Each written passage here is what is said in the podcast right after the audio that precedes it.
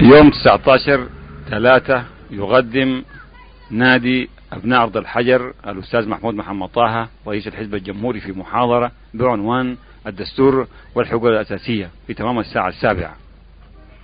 سادة يسرنا أن خير ما نفتتح به هذه الليلة القرآن الكريم من الزميل حسن مجذوب. بالله من الشيطان الرجيم.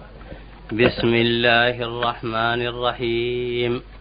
والضحى والليل إذا سجى ما ودعك ربك وما قلى وللآخرة خير لك من الأولى ولسوف يعطيك ربك فترضى ألم يجدك يتيما فآوى ووجدك ضالا فهدى ووجدك عائلا فأغنى. فأما اليتيم فلا تقهر وأما السائل فلا تنهر وأما بنعمة ربك فحدث. صدق الله العظيم. الأستاذ محمود محمد طه ضيوفنا الكرام أقدم لكم الزميل عثمان عبد الله رئيس الاتحاد العام لأبناء أرض الحجر في كلمة قصيرة. ورحمة الله تعالى وبركاته. الأستاذ المحاضر ليس غريبا بيننا ولعلي لست في حاجة لتقديمه إليكم بإسهاب. ويكفي أنه طوال السنوات الطويلة الماضية ظل شعلة تضيء وتحترق لتضيء مرة أخرى في صحراء الفكر المجدبة في بلادنا. فالرجل صاحب رأي وصاحب فكر وجاهر برأيه وبفكره يوم أن كانت المجاهرة بالرأي كفرا وإلحادا. فلا تمر مشكلة بهذا البلد إلا ولهذا الرجل رأي في الدين وفي الدولة. والحق أقول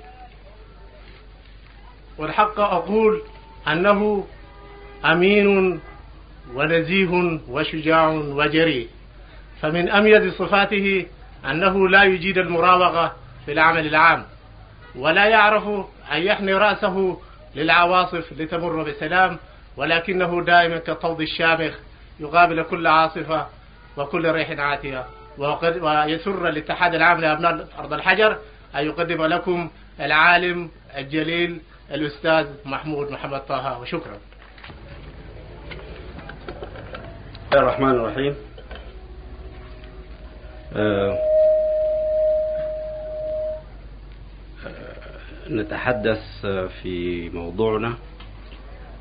وقبل البدء في هذا الحديث لابد من إعلان عظيم سروري بهذه الفرصة التي أتيحت لي في نادي الإخوان أبناء أرض الحجر. ولا بد من الإشارة إلى الثناء المستطاب من السيد رئيس الاتحاد. و النفس في الحقيقة دائما تهش لأن تسمع الثناء عليها. وإن كان الإنسان بيجاهد ألا يهتم كثير بالثناء. لكن ما قاله السيد رئيس الاتحاد في هذه الجلسة هو أحسن ما سمعت. في الإيجاز والنظرة إلى المعاني التي تسر نفس السامع المطري. وأنا أحيل جزاءه على هذه الكلمات الطيبة على الله ليتولاه. ثم إن هناك عبارة سرتني بصورة خاصة هي مسألة صحراء الفكرة المجدبة في بلادنا. هذه كلمة جيدة ومتقنة وحقيقية. وأنا أعتقد أنه ما في مجتمع من المجتمعات التي نعرفها في مستوى يمكنها أن تتحسن ثم هي عاجزة عن التحسن. زي بلادنا نحن. وسبب عجزها عن التحسن أن الفكر مجدب. والشاعر قال ولم أرى في عيوب الناس عيبا كنقص القادرين على التمام. فالسودانيين قادرين على التمام ثم ناقصين. وأنا أفتكر نقصهم يلتمس في أن الفكر مجدب. إلى الحدود أن الجهل يستعلن ويحارب الفكر ثم يجد من يسمع له. وما في ذخيرة للبلد ليتغير وضعه من هذا الجد في الفكر إلا الشباب المثقف.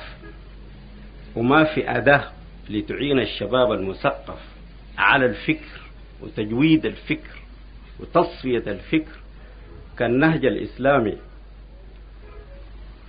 ونحن في اتجاهنا في هذا الحديث نتجه اتجاها إسلاميا في مسألة الحقوق الأساسية.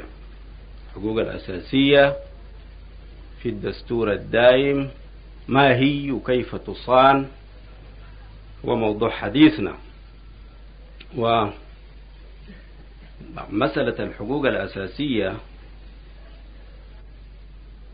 هي مسألة الحرية كلها. الحقوق الأساسية هي الحرية. والإنسان منذ أن وجد قبل الأديان كان عنده شعور بالحاجة للحرية. الحاجة للحرية حاجة مودعة فينا مش بنتكلف وله ترف وله نافلة. شي مودعة فينا زي حاجتنا للطعام. حاجتنا للحرية زي حاجتنا للطعام.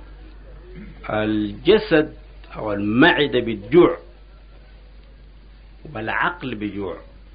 غذاء المعدة الطعام وغذاء العقل الحرية.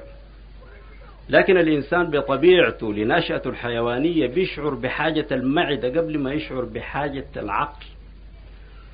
وبطبيعة الحال من أجل ده كثير من الناس بيسخروا عقول لإشباع معداتهم حتى الإنسان يبيع كرامة فكره بحطام الدنيا اللي بيشبع معدته. ده طبعا الجانب الحيواني فينا. لكن ما من شك أنه كل مرة نحن بنرتفع من الجانب الحيواني لنشرف الجانب الإنساني. والمجتمع البشري في جميع عصوره. كل أنواع صراعاته ليحرز الحرية. ما في ذلك أدنى شك. لأنه الحاجة دي وإن كانت خامدة ونايمة لكنها بتعمل عملها نحن في المجتمع الحاضر مجتمع القرن العشرين. الحرية هي شعار اليوم. نحن السودانيين اتحررنا أو قول استقلينا. هي في المرحلة دي يمكن تسميها الاستقلال. الاستقلال وسيلة للحرية إذا أحسننا استعمال الاستقلال. فنحن استقلينا وأكثر من 30 دولة في إفريقيا وحدها استقلت في الزمن القصير ده. عشان تعرفوا أنه العصر ده عصر الحرية. وأول خطواتك نحو الحرية أن تستقل. الاستقلال معناها ألا يكون عليك حاكم أجنبي. الحرية معناها أن يكون عليك حاكم رشيد إلى الحدود اللي يخطط ويهيئ الظروف اللي أنت تعيش فيها حر. وفي الغالب وده الوضع وضع الحرية لنفاسته وعزته في الغالب ما في حاكم يمكن أن يخطط لك لتعيش أنت حر إلا إذا كنت أنت رقيب عليه. أي حاكم ليكون وصي عليك وأنت منتظر منه أن يحررك لا يمكن أن يحررك. لأسباب كثيرة جدا حتى الحاكم لو كان عارف ولو كان نزيه وقوي الخلق. يكون في عجز طبيعي إنساني في أن الإنسان يشعر بحاجة الإنسان الآخر. هنا تجي الحقوق الأساسية في مستوى عصرنا هي في مستوى الديمقراطية. الحقوق الأساسية دائما الكلام عنها من الناحية الفنية بيجي في منطقة الدستور. والدستور هو عنوان الحكم الديمقراطي.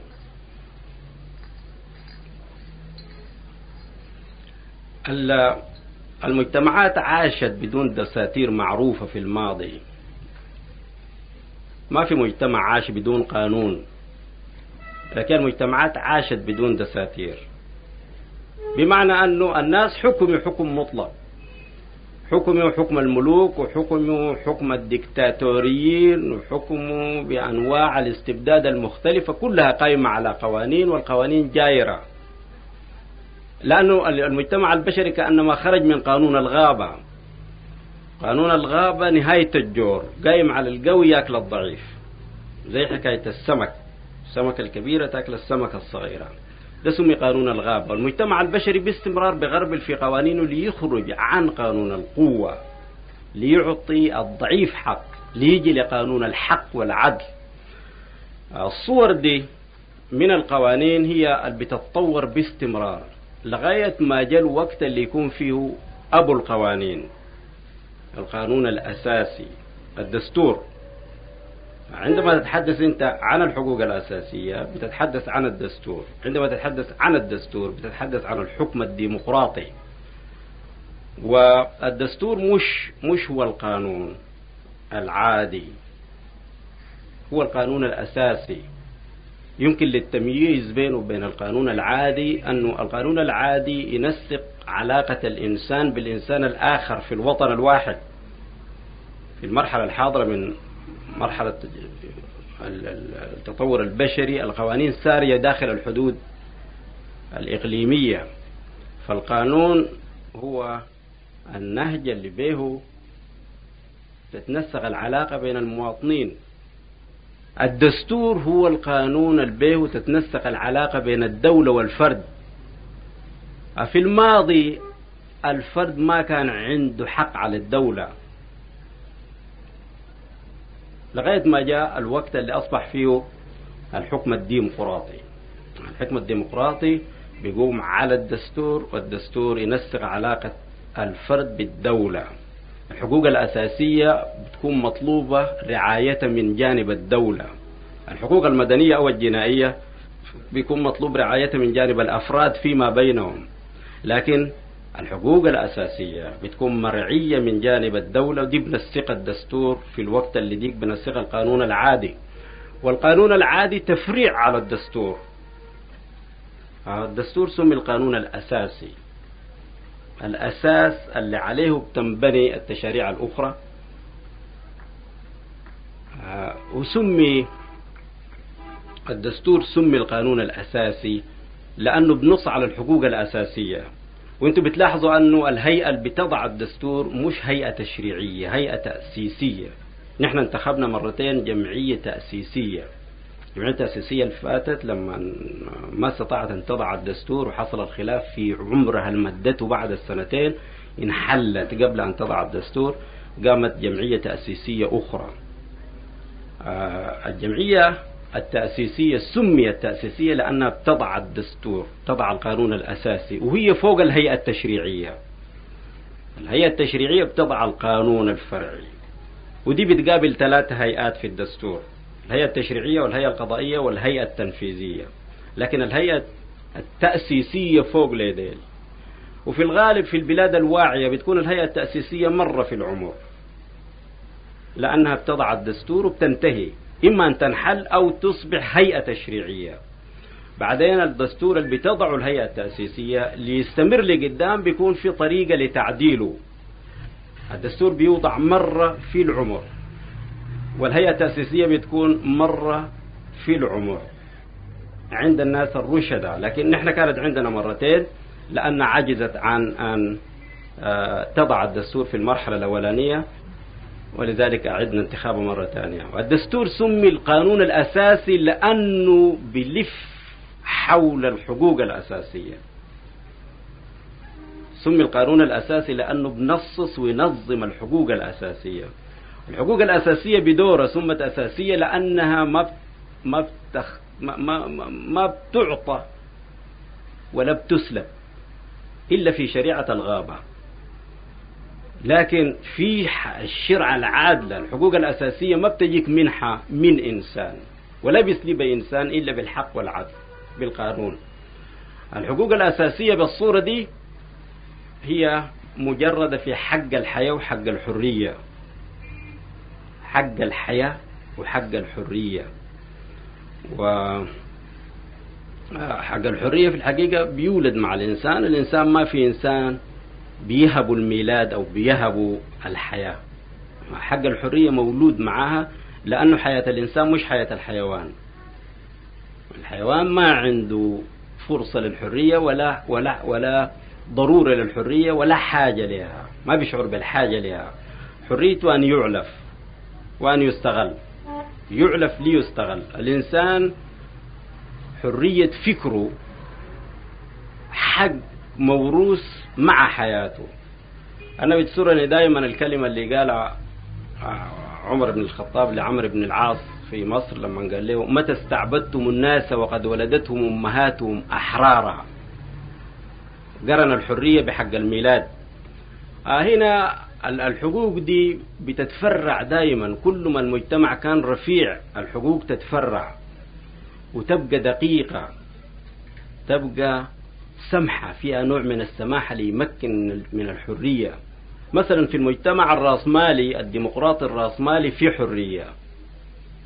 يعني لو أنت أخذت مثلا الديمقراطية الغربية بتلقى أنه في حرية في الديمقراطية بمعنى أنك أنت ممكن تنتخب الإنسان اللي بيحكمك.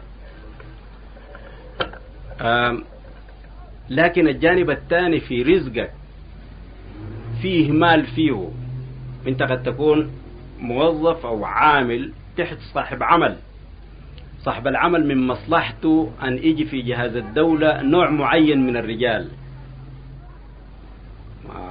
صاحب العمل الرأسمالي عنده الفرصة ليصنع الرأي العام بوسائل الإعلام اللي عنده بالصحافة بالإذاعة بالسينما.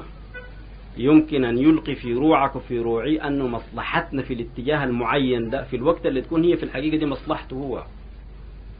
في كأنه في مستوى من الحرية لكنه ناقص. المجتمع لما نمشي لقدام عايز يكون في كفالة لحاجتك الاقتصادية ما يخليك محتاج لتجي من طريق الحاجة تستعبد أو تسحب حريتك. أعطيت حرية باليمين تسحب بالشمال زي ما هي في النظام بتاعه ولذلك تلقى. الحقوق دي بتتسع شوية في نظام مثلا اشتراكي. كأنه بيقول لك أنت عندك حرية لكن عمليا ما ممكن تمارس حريتك دي إذا كنت أنت محتاج. ولذلك على الدولة أن تنظم بالصورة اللي تكفيك الحاجة. تجي كمان التعليم. الجاهل برضه حريته بتكون ناقصة لأنه الحرية في الديمقراطية بتتمثل في حسن الاختيار. ورقة الانتخاب اللي انت بتاخدها رمز لحريتك لأنها بتديك الفرصة لتوزن بعقل حر بين زيد وعبيد يا تو أصلح يا تو أعرف.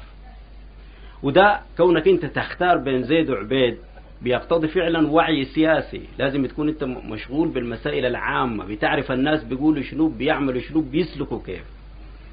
لذلك تلقى أنه الديمقراطية بتتركز فعلا على الحرية والوعي. بالصورة دي وتمشي مع مع أن تكمل حريتك أن تكون عندك فرصة لتتعلم وفرصة ليكون في رأي عام منقول بوسائل الإعلام الكثيرة. جهاز الدولة كل موظف ليعلم الشعب. لابد أن تكون مثلا حاجتك الاقتصادية مكفية. ما في زول عنده سلطان عليك زي ما هي في النظام الرأسمالي. فالمسائل إذا المسائل الحرية باستمرار بتتطور. مفاهيم الحرية بتتطور وتدق وتتسع للإنسان ليكون في قمة من ممارسة الحرية. الحقوق الأساسية في جذرها أو في أصلها حق الحياة وحق الحرية بيتفرع منها شيء ما له حد من الحقوق. كل ما المجتمع يترقى والإنسان يمكن من من من اتجاه الفكر الإسلامي أن يقول حاجة توري المدى اللي بيتطور فيه الحق الأساسي في الحرية أنه المجتمع في التفكير الإسلامي وسيلة للفرد وأن الفرد حريته بتبتدي من المحدود وتمشي للمطلق ما في إطلاقا حد على حرية الفرد. إلا أن يعجز هو عن ممارسة الحرية دي. يعني حدك من الحرية هو مقدرتك على ممارستها وكل إنسان لما يعجز عن ممارسة الحرية بتصادر بطبيعة حاله. إذا الحقوق الأساسية في الحقيقة في جانب الحرية لا حد لها. لكن القيود بتجي في التطبيق العملي الممكن وفي الطاقة الإنسانية في ممارسة الحق. ولا بد أن يكون في حد للحرية بالقانون. إذا كان ما في قانون ليحد الحرية بتبقى الحرية فوضى. فهنا لما يكون في قانون بيكون في فاصل بين الإطلاق والفوضى. الحرية اللي بينظمها القانون مش حرية معوقة حرية منظمة. لأن القانون من شانه أن يوسع الحرية مش يضيقها من شانه أن يجعل الحرية عمليا ممكنة. زي مسألة لعبة الكورة. لعبة الكورة إذا كان ما فيها قانون بتوقع فوضى. المجتمع بالصورة دي عنده قوانين لتمكن الأحرار من ممارسة الحرية. إذا الحقوق الأساسية في الحقيقة باستمرار بتتطور وتتغير.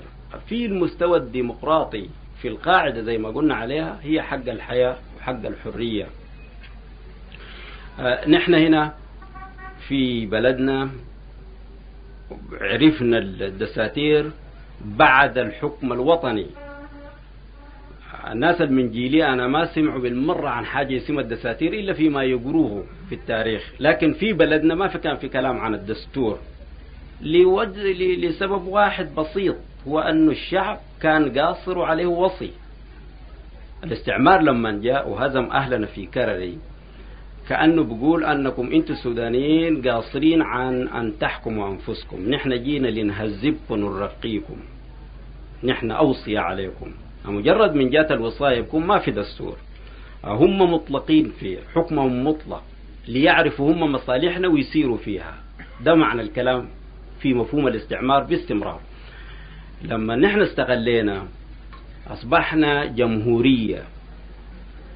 مع جمهورية عايزة دستور لأنه ما دام نحن استقلينا معناها أن نحن رشيدين لأن نحكم أنفسنا.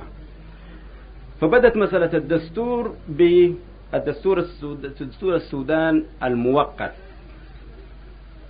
دستور السودان المؤقت استمر لغاية ما جو العساكر عطلوه في سنة 58 ثم ظل نايم أو معطل ست سنين. جات ثورة أكتوبر في سنة 1964 سمي عدل الدستور وسمي دستور السودان المؤقت المعدل لسنة 64 ده الدستور اللي عندنا في الوقت الحاضر. الدستور ده فيه الحقوق الأساسية. فيه المادة خمسة واحد تقول لكل مواطن الحق في حرية العقيدة. المادة خمسة واحد لكل مواطن الحق في حرية العقيدة.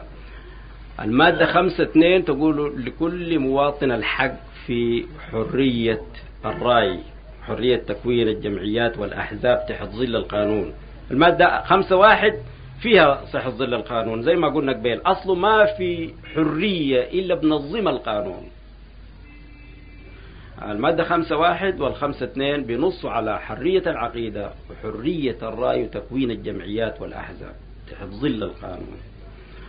الدستور في نواحيه الثانية بيكون فيه نقص كثير. ما, هو في المستوى اللي يقول أنه أنت اللي تكون ديمقراطي أحسن لازم الدولة كمان تكون اشتراكية. يعني الدولة لازم تكون ديمقراطية اشتراكية لتمكن المواطن من ممارسة حقوقه بدون رغبة أو تهديد يجي رغبة أو رهبة أو تهديد يجي من صاحب المال صاحب العمل ليحمله على أن يصوت في غير الاتجاه اللي عايزه أو ما يكون المواطن محتاج حتى يبيع صوته مثلا. المواطن إذا أنت تركته محتاج وديته الصوت. أنت في الحقيقة خليت حريته كأنها حبر على ورق. في دستورنا المؤقت ما في كلام عن عن الاشتراكية وفي الحقيقة دستور سمي مؤقت لينقلنا للدستور الدائم اللي بنتكلم عنه. نحن دائما في وضعنا واللي قامت الجمعية التأسيسية بعثت منها اللجنة القومية لتضعه. ف في الدستور المؤقت الحقوق الأساسية مجردة بالصورة دي موجودة وكاملة. حق حرية الرأي وحرية العقيدة. وده طبعا حرية حق الحياة موجود في الوضع ده. آه نحن عندنا هسه مواجهين بأن نمرر توصيات سنة 67 توصيات سنة 67 وضعتها اللجنة القومية المنبثقة من الجمعية التأسيسية الأولى. أو قول إن أردت الدقة وضعتها لجنة فنية انبثقت من اللجنة القومية المنبثقة من الجمعية التأسيسية.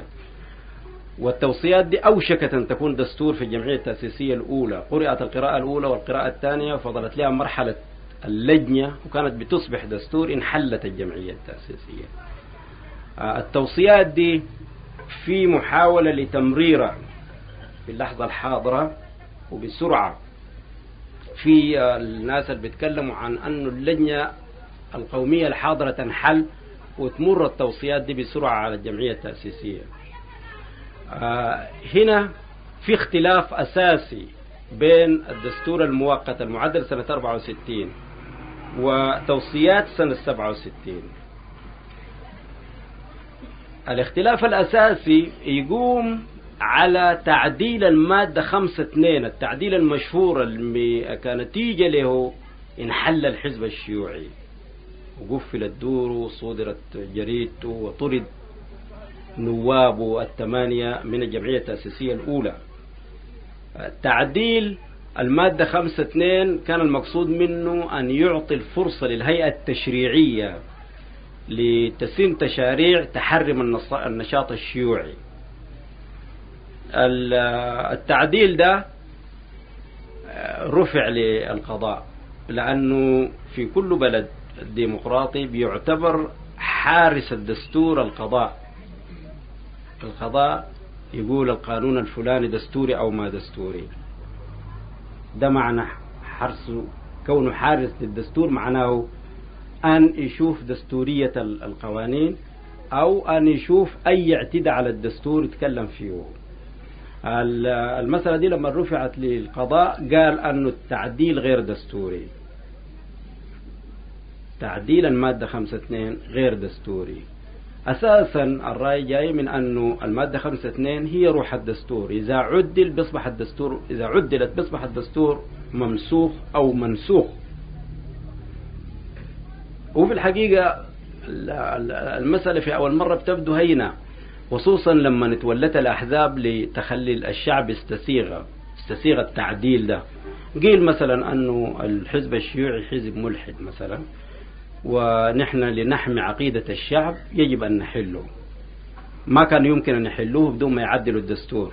بمعنى أنه لو الهيئة التشريعية سنت قانون لحل الحزب الشيوعي بيبقى القانون ده دستورا خطأ والمحاكم ما بتحكم به فقاموا عدل الدستور ليجي القانون دستوري. أو قول نزلوا الدستور لمستوى القانون المطلوب. آه نحن والآخرين من الشعب بتمر علينا اللعبة دي. لكن النقطة الحقيقية أن تعديل الدستور في الحقوق الأساسية ضروري يخص كل مواطن. مش مسألة الحزب الشيوعي ملحد لازم ينحل ونحن نعتقد أنه ينحل.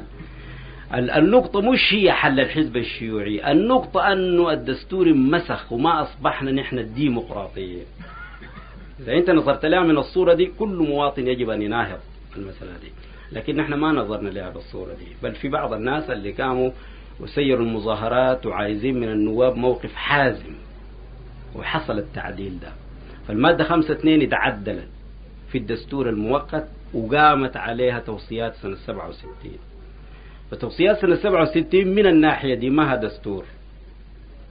لأنها قايمة على الحقوق الأساسية الممسوخة المنقوصة. في الناس اللي بيطالبوا بتوصيات سنة 67 اللي تمر هم دعاة إسلاميين برضو. دعاة الفكر الإسلامي منهم الناس الحريصين على توصيات سنة 67 اللي توصيات سنة 67 برضو ما دستور إسلامي. والحقيقة بيعرفوا النقطة دي. بيعرفوه لأنه في مداولات الجمعية في مداولات اللجنة القومية اللي انبثقت منها توصيات سنة 67 في نص بأن الدستور الإسلامي الكامل انهزم. فأصبح توصيات سنة 67 ما هي دستور إسلامي ولا هي دستور علماني. وأنا أفتكر أنه في تمريرة في ضرر كبير جدا على الناس بقى. تجي مسألة الدستور الإسلامي. الدستور الإسلامي زي الواحد يقدر يقول عنده وجهين. العبارة بتاعت الدستور الإسلامي عندها الوجه القريب مننا المألوف اللي هو يقول أنه الدستور الإسلامي بيجي من إعطاء الشريعة السيادة الولاية العامة تكون للشريعة دي الدعوة اللي عايزة حتى توصية سنة 67 تمر ليه؟ ليه هم اعتبروها إسلامية؟ لأنه في المادة 113 و 114 و 115 بتقول أنه في جملة ما تقول يعني دي الخلاصة بتاعتها أنه أي تشريع في البلد ما يتفق مع الشريعة الإسلامية يعتبر باطل من الناحية دي رضوا عنه دعاة الفكر الإسلامي ويعتبروه إذا كان مش الدستور الإسلامي الكامل مرحلة ليجعل الحكم المقبل حكم إسلامي. كأنه دستور ممكن أن أن يقبل على اعتبار أنه بنص على أن كل أي شريعة أي قانون تسن جمعية اللجنة الهيئة التشريعية ما يكون متفق مع الشريعة الإسلامية بيعتبر باطل. ده وجه من الفهم عن الدستور الإسلامي. الحاجة اللي إحنا عايزينها تتوكد هنا أنه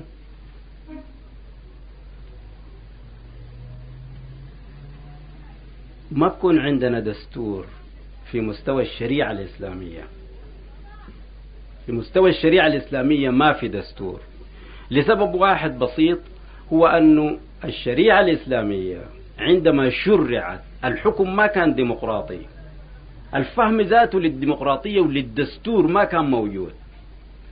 نحن العبارة اللي بنكون عايزينها تكون دقيقة في أذهان الناس هي أنه الإسلام ديمقراطي لكن الشريعة الإسلامية ما ديمقراطية.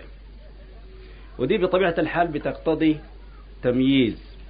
التمييز ده قد يكون شيء جديد. يعني الناس الفقهاء عندنا لما يتكلموا عن الدس عن الشريعة أو يتكلموا عن الإسلام يتكلموا عن حاجة واحدة. الحقيقة غير دي أن الشريعة مش هي الإسلام. الشريعة هي طرف الإسلام اللي نزل قريب للناس. بمعنى أنه الإسلام سرمدي. الإسلام هو الحبل النازل من السماء إلى الأرض اللي قال عنه واعتصموا بحبل الله جميعا ولا تفرقوا. الحبل النازل من السماء إلى الأرض هو التوحيد. لا إله إلا الله. واعتصموا بحبل الله جميعا ولا تفرقوا. ولا تفرقوا دي توريك ظهر التوحيد من التشتت. هنا التوحيد هو أول عند الله في إطلاقه في سماعه في علياه في إطلاقه شهد الله أنه لا إله إلا هو. كأنه الله في إطلاقه قال لا إله إلا الله. ثم نحن في الأرض نقول لا إله إلا الله. فإذا أنت ممكن تشوف البداية وتستطيع أن تتصور النهاية ما بتشوف النهاية. شهد الله أنه لا إله إلا هو. الله قال عن نفسه لا إله إلا الله والبشر قالوا عنه لا إله إلا الله. وده الحقيقة الدين. ده الإسلام والعبارة النبوية خير ما جئت به أنا والنبيون من قبلي لا إله إلا الله. والعبارة القرآنية تقول شرع لكم من الدين ما وصى به نوحا والذي أوحينا إليك وما وصينا به إبراهيم وموسى وعيسى أن أقيموا الدين ولا تتفرقوا فيه. كبر على المشركين ما تدعوهم إليه. الله يجتبي إليه من يشاء ويهدي إليه من ينيب. شرع لكم من الدين ما وصى به نوح لغاية نبينا دي لا إله إلا الله. ودي نفس العبارة اللي جاء فيها الحديث خير ما جئت به أنا والنبيون من قبلي لا إله إلا الله. ده الدين. الدين لا نهاية له. لكن الشريعة هي طرف الحبل النزل لأرض الناس. يعني لما الناس قالوا في الأرض لا إله إلا الله الشريعة قامت على مستوى قول ده. بعدين أمروا بأن يسيروا إلى الله. السير لله في لا إله إلا الله سرمدي. الناس ما بطوروا الدين. الناس بتطوروا في الدين كل ما فهموه فهم جديد لكن بيطوروا الشريعة. فالشريعة مش هي الدين بمعنى أنها هي طرف الدين هي المدخل على الدين. والحقيقة في اللغة ذات الشريعة المشرع يعني تقول شرع شريعة إلى الماء فتح ديداب وطريق ليرد به الموية. إذا كان النقطة هي دي واضحة. يبقى الدين لما نزل للمجتمع في القرن السابع نزل لمستوى المجتمع. مستوى المجتمع في القرن السابع ما كان مستوى ديمقراطي. مش مستوى الناس الرشدة اللي بيستطيعوا أن يمارسوا الديمقراطية. يعني إحنا ممكن نترك الحكاية دي هنا بس لنقول أن الناس اللي بيطلبوا الدستور الإسلامي من الشريعة مخطئين. والسبب الأساسي في الخطأ مع الملابسات دي أن الشريعة ما فيها الحقوق الأساسية. يعني حق الحرية وحق حرية العقيدة والحرية مش في الشريعة. الشريعة قايمة على أنه نبينا أمر أن يقاتل الناس جاءت مثلا آيات الإكراه وجاءت آية الشورى. الناس اللي بيتوهموا المسألة دي بيخطئوا فيها بيفتكروا أنه الشورى ديمقراطية. لكن الشورى هي مشاورة الوصي القاصر والوصي يملك حق المخالفة. الشورى ما ملزمة شورة القاصر ما ملزمة على الوصي الرشيد.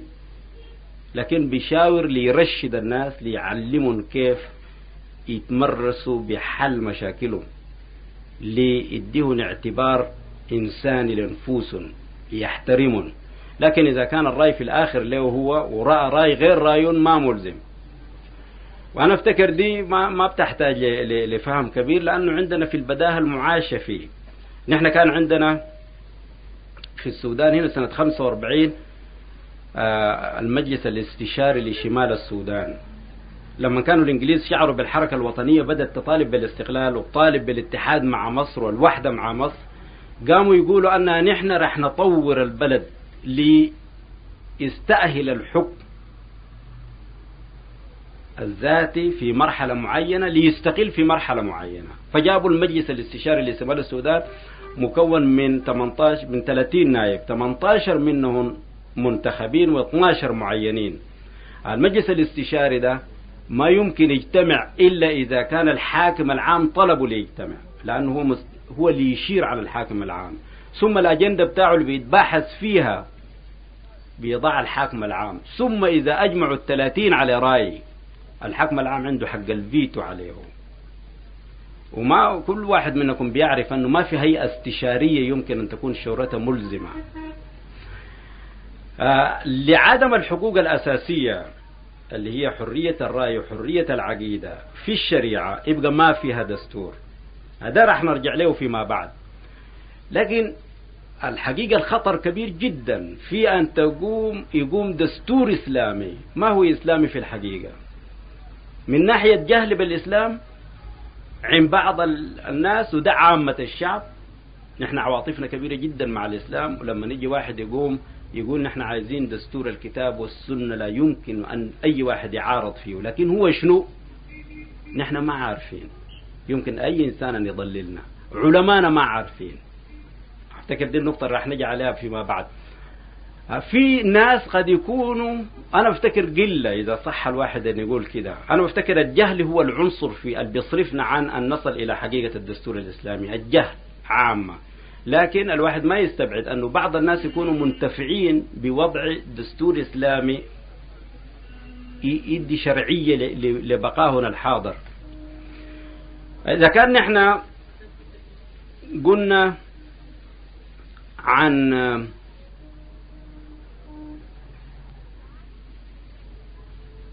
عن الدستور الإسلامي اللي ما بكون ما بكون إسلامي في الحقيقة لأنه فيه جهالة كثيرة. يبقى الخطر قايم في أن يمر لأنه الشعب عامة متجه له. في ناس من الأذكياء عارفين أن الدستور الإسلامي الجاهل بالصورة دي أو قد يكونوا عارفين أنه الدستور الحكم الماضي ما فيه ما فيه دستور. أفتكر أنتوا قريتوا لناس من المثقفين في بلدنا. أنا ما أحب أن الناس بسرعة يصرفوا كلام ده على اعتبار أنهم مغرضين أو مضللين. أنا بفتكر انه الكلام اللي كتبه التقلاوي الكتب الكلام اللي كتبه محمد سليمان بيحتاج من الناس المفكرين المسؤولين إلى تعمق حقيقي في المسألة. آه، التقلاوي بيرى أنه الحكم الماضي ما فيه دستور. وجاب الممارسات اللي حصلت في تطبيقنا للحكم الماضي. محمد سليمان بنفس الصيغة. المسألة مش سهلة بالصورة اللي انت تقول انه ده كلام فارغ ساكت وده الناس ما عايزين الإسلام. هم صادقين في النقطة دي. ما بضرهم الإسلام في الحقيقة. أنا أكد لكم أنه النوع ده من الناس الأذكياء اللي بيجيبوا مشاكلنا الحقيقية في تفكيرنا الإسلامي اللي يعرضوها علينا بعينونا على التفكير. القبيلك اشرنا إلى أنه ما في. ديننا في المرحلة الحاضرة بصورة خاصة عايز فهم عايز فكر عايز ممارسة في العبادة والتطبيق عشان نفهم.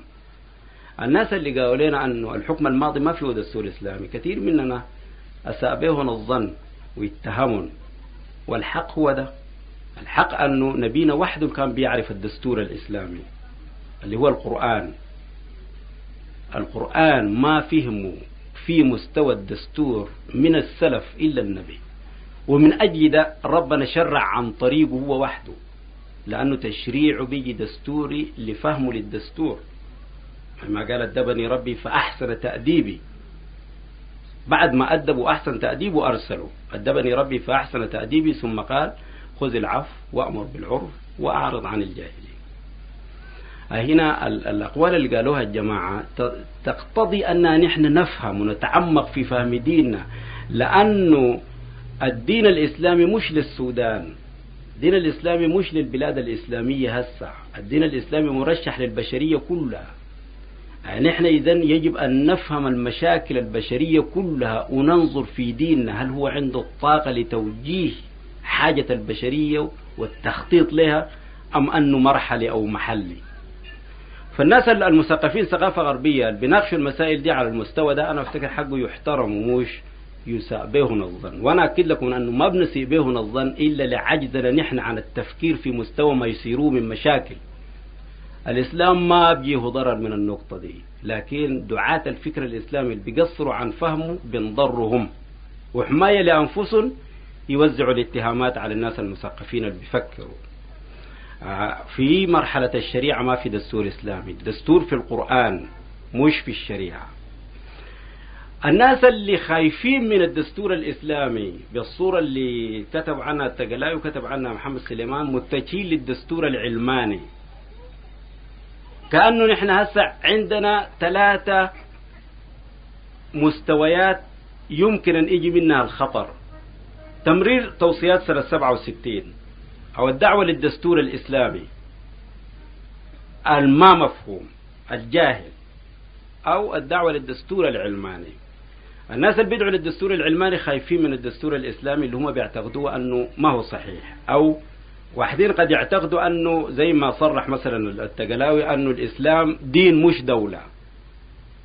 هنا يتجهوا مش التقلاوي وحدوا الحكاية. أنا أفتكر كثير منكم بيقرأ لكاتب لامع جدا خالد خالد محمد خالد.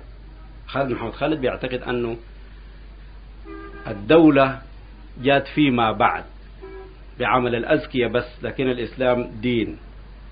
وده طبعا غير الحق. لكن المسألة دي بتدلكم على أنه الإسلام عايز من دعاة الإسلام أن يفهموا فهم تمام مش أن يصرفوا الكلمات اللي بتقال دي بسهولة ليتخلصوا منها. الناس المتجهين للدستور العلماني برضه بجينا منهم خطر. الخطر في الدستور العلماني بيجي من أنه دون المستوى المطلوب بشريا إنسانيا في وقتنا الحاضر. آه، نحن هسه بنعيش في مثلا النصف الثاني من القرن العشرين. انتهت الحرب العالمية منذ 22 سنة. منذ 22 سنة الناس ما قدروا يعيشوا في سلام. باستمرار مما انتهت الحرب سنة 45 في تسلح مستمر وسباق في التسلح. وإذا كان نحن بنعيش في سلام ما قامت حرب عالمية ثانية في مدى ال 22 سنة. السبب فيها مش أننا وصلنا لحل مشاكلنا نحن نحن البشر في الكوكب ده لكننا نحن خايفين من الحرب. الكتلتين الكبيرتين في الشرق وفي الغرب السوفيت والأمريكان. عندهم الأسلحة الفتاكة الأسلحة الذرية الأسلحة النووية والهيدروجينية. اللي عرف أنه أي من الكتلتين لو قامت بإشعال حرب بيحصل من الضرر ما لا يكون معه أي نوع من الاستقرار من آه ما يكون في في أي نوع من السلام معه. ما يكون في ما بيطلع إنسان منتصر ليكون هو صاحب السلام. ف ال ال ال الحالة اللي نحن فيها بقول من حالة السلام اللي نحن شايفينها في مناوشات إقليمية نعم. لكن حرب عالمية ما جات. مش لأننا وصلنا إلى مستوى السلام. سلامنا ده سبب الخوف من الحرب. في الحرب العالمية الأولى وكلكم عارفينها في التاريخ لما انتهت سنة 19 بريطانيا كانت منتصرة في السلام وكانت صاحبة عالم ما بعد السلام. عالم ما بعد السلام نظمته بريطانيا. في الحرب الثانية بريطانيا هي السبب في النصر. لكنها ما استطاعت أن تسيطر على عالم ما بعد السلام. أنا أفتكر أنه في ظاهرة تاريخية فريدة. زمان كانت كل حرب تنتهي الإنسان المنتصر هو السيد. الظاهرة التاريخية الفريدة هي أنه بعد الحرب الأخيرة المنتصر مش السيد. حتى صيغة الجملة الطريفة اللي قيل أنه بريطانيا كسبت الحرب وخسرت السلام. هذا الموقف ده عنده دلالة شديدة على أنه المدنية الغربية ما بتستطيع أن تستوعب طاقة بشرية القرن العشرين. المدنية الغربية وصلت نهاية مقدرتها التطورية. أو أقول وصلت الطريق المقفول. طاقة الإنسان المعاصر بتتطلب مع طاقة الإنسان المعاصر بتتطلب مع الكفاية المادية تتطلب الحرية. المدنية الغربية قايمة على أسس مادية واتجاهات مادية. الاتجاهات المادية دي في الحقيقة تستوي فيها الشيوعية في الشرق أو الديمقراطية في الغرب. المدنية الحاضرة سميت أو المجتمع بتاع المدنية الحاضرة سمي, سمي مجتمع الاستهلاك. بمعنى أنه ال ال الآلات بتاعتنا والصناع بتاعنا يدوروا لينتجوا نحن نستهلك. يعني عربات كثيرة ثلاجات كثيرة راديوات كثيرة تلفزيونات كثيرة سينمات كثيرة.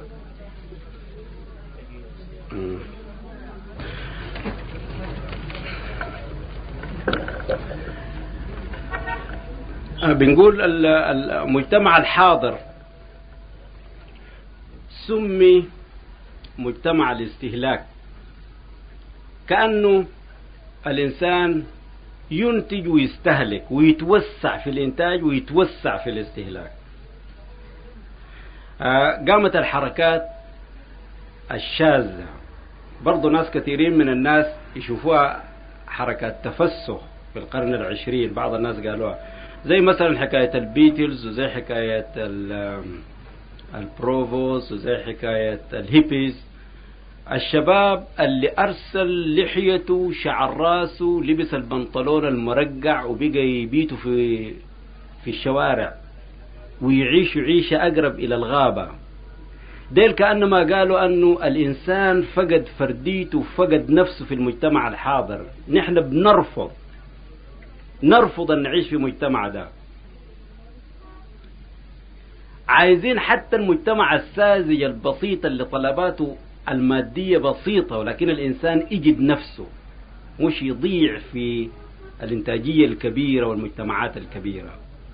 هي الحقيقة ال- ال- ال- ال- النقطة الحاصلة في اضطرابات الشباب وفي حركات الشباب وفي آه، إضرابات الطلبة اللي اجتاحت أوروبا. واجتاحت ال- العالم الشرقي زي ما اجتاحت العالم الغربي. هي في واقعها من دلائل الصحة مش من دلائل المرض. كأنما الإنسان طاق بالوضع ده بيبحث عن حاجة هو ما مهتدي لها وما عارف وين لكن شاعر بها. ده الشعور اللي قبل قلناه أنه موجود. الإنسان عايز الحرية لكن قد لا يعرف يجيبها من وين. والإنسان حريته لا يمكن أن تجي بمجتمع الاستهلاك. لا يمكن أن تكون حريتنا نحن في أن نجد ال- الحطام الكثير وننغمس في الترف والاستهلاك.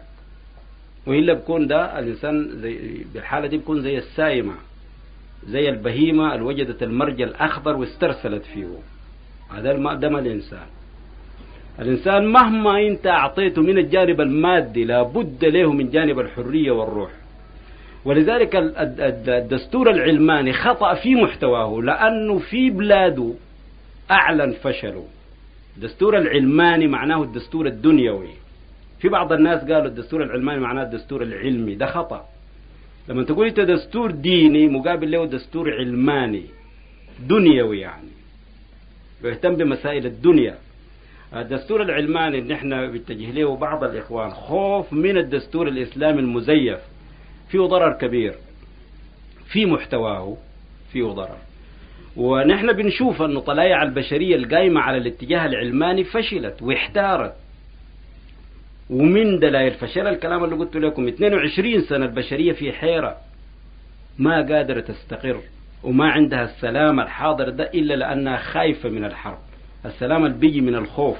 المعيشة اللي بتجي تحت ظل الخوف. ما معيشة طبيعية. فالدستور العلماني إذن فاشل آه، في محتواه. ثاني في نقطة تخلينا برضو نحن السودانيين بصورة خاصة ما ننصرف للدستور العلماني. هي أن شعبنا بيحب الدين ويمكن أن يتضلل بالدين وفي دعوة دينية قائمة والدعوة الدينية بيمارسوها ناس جهلة بتمارسها الطائفية وبيمارسوها فقهاء ما عارفين حقائقها وبيمارسوها ناس بيعيشوا بيها. بيمارسوها ناس بيستغلوا الدين للتنظيم السياسي لأن ينالوا المناصب. فإذا كان نحن خلينا ميدان الدعوة الإسلامية فاضي ليمشي المثقفين أو بعض المثقفين جمهور منهم كبير ليدعو للدستور العلماني كأنما تركنا الشعب غنيمة سائغة للناس اللي بيضللوه باسم الإسلام. أنا أفتكر أنه في اعتبارات في الدستور بتاع سنة 67 يجب رفضها. وده اللي قلت لكم فيه أنه شوه الحقوق الأساسية. سياسة سنة 67 قايمة على التشويه وانتقاص للحقوق الأساسية بتعديل المادة 5 2 بالصورة اللي قلناها. يبقى مسألة الدستور العلماني اللي قلنا عليه هسه في أنه خطأ. خطأ في المرحلة التكتيكية نفسها في أننا بنخلي ميدان الدعوة الإسلامية فاضي وفي محتواه. الدعوة إلى الدستور الإسلامي المزيف ودي خطيرة جدا وتجب مناهضتها. لكن ما في سبيل لمناهضته في الحقيقة إلى الاتجاه للإسلام الصحيح. والإسلام الصحيح بنتجه له مش لمجرد أنه بمكننا من هزيمة الطائفية لأنه بننازل الطائفية في ميدان بيه. مش لمجرد ده لأنه هو قبلة الناس كلهم. في مستقبل البشرية لا يمكن أن يكون في حل لمشاكل المدنية الحاضرة مدنية الاستهلاك أو الحضارة المادية الحاضرة إلا إذا لقحت بالروح الإسلامي. آه نحن نفتكر هنا راح نمشي في مدانا في كلامنا عن الإسلام بالصورة اللي نحن نعتقد أنه واحد تكفر الحقوق الأساسية. اثنين تحرز الدفاع عنها ثلاثة يكون حل مشاكلنا إحنا في البلد ترشيح للإسلام ليكون دستور العالم في مستقبل الأيام لأنه مشاكل البشرية كلها أصبحت واحدة في الوقت الحاضر. آه هنا ده يسوقنا للإسلام أو الدين والشريعة. القبيلة تكلمنا عنهم بصورة موجزة. في صورتنا الموجزة قلنا أنه الدين ما بينتهي الدين سرمدي. الدين ما بنطوره نحن. نحن بنتطور في فهمه. أقول القرآن الدين كله اشتمل عليه القرآن. حتى لما جاءت الآية اليوم أكملت لكم دينكم وأتممت عليكم نعمتي ورضيت لكم الإسلام دينا معناه أن الإسلام كله كم الإنزال بين دفتي المصحف. القرآن ده نحن ما بنطوره لكن كل ما تطورت فهومنا بالتراث البشري المعاصر واستيعابه وبوسائل العبادة والمعاملة والتخلق نفهم نتطور في فهم القرآن. القرآن نزل على مستويين. القرآن مثلا نزل القرآن المكي والقرآن المدني. القرآن المكي استمر زي 13 سنة. القرآن المدني قريب من عشر سنين. نحن برضو الحاجة المألوفة عندنا أن نقول بس دي آية مكية ودي آية مدنية أو ده قرآن مكي وده قرآن مدني. ويجوز نفرق في أنه الزمن في النزول مختلف ومكان النزول مختلف. لكن الحاجة اللي إحنا عايزينها تكون واضحة هي أنه مستوى القرآن برضو مختلف. مستوى القرآن مختلف في المعنى اللي قلنا به أن القرآن نزل في وصول بعدين من الأصول نزلت فروع.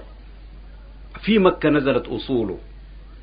وصوله قايمة في المكان المهم جدا في ناحيتنا نحن في الديمقراطية قايمة على آيات الإسماح. آيات الإسماح يعني ادعو إلى سبيل ربك بالحكمة والموعظة الحسنة وجادلهم بالتي هي أحسن. خذ العفو وأمر بالعرف وأعرض عن الجاهلين. فذكر إنما أنت مذكر لست عليهم بمسيطر. وما على الرسول إلا البلاغ المبين. آيات كثيرة في الناحية دي كان عليها العمل في مكة. بمعنى أنه الناس في مكة أمروا بأن يدعوا وأن يتحملوا الأذى في سبيل الدعوة ولا يردوا الأذى. وده طبعا السيرة معروفة في, في الوضع ده. هي دي جاية من الأمر بالدعوة بالتي هي أحسن. دعوة بالتي هي أحسن مثلا تكلم الناس بالحق. بيتعرضوا لك بأذى تحتمل الأذى ولا ترد الأذى. الآيات دي استمرت 13 سنة. الآيات دي فيها الحقوق الأساسية. الحقوق الأساسية قايمة في حق في حرية العقيدة.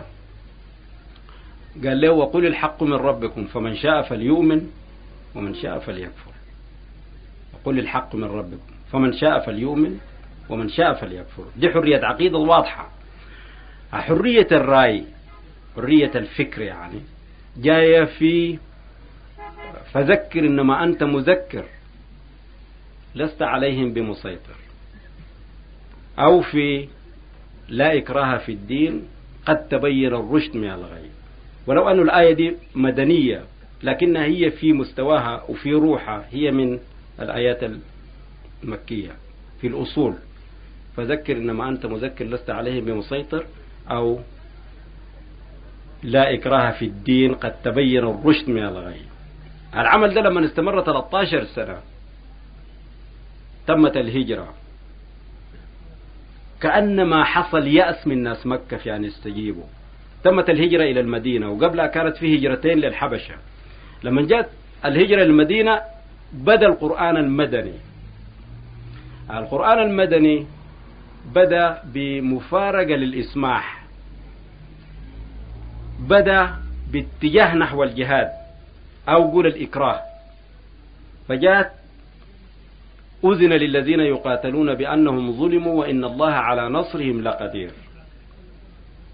أذن للذين يقاتلون بأنهم ظلموا وإن الله على نصرهم لقدير.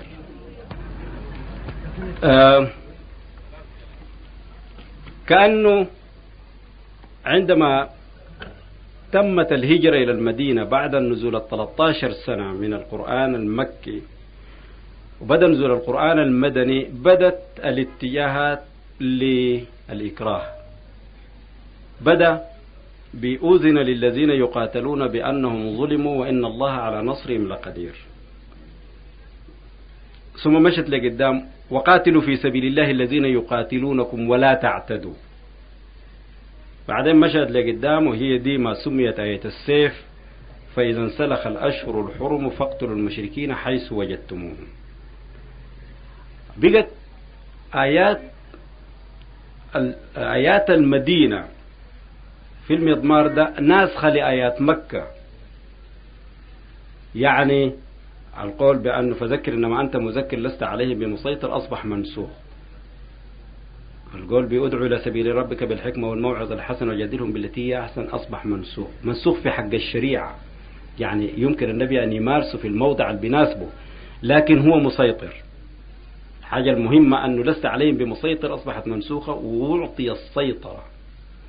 هو الحديث جاء أمرت أن أقاتل الناس حتى يشهدوا أن لا إله إلا الله وأن محمد رسول الله فإذا فعلوا عصموا مني أموالهم ودماءهم إلا بحقها وأمرهم إلى الله. وجاء الجهاد. في حق المشرك يجاهد ليدخل في الإسلام. في حق المشرك. النبي أمر بأن يجاهد ليدخل في الإسلام. في حق المؤمن. النبي أمر بأن يشاوره. كأنه جات الوصاية على مستويين. المشرك له السيف إلى أن يسلم.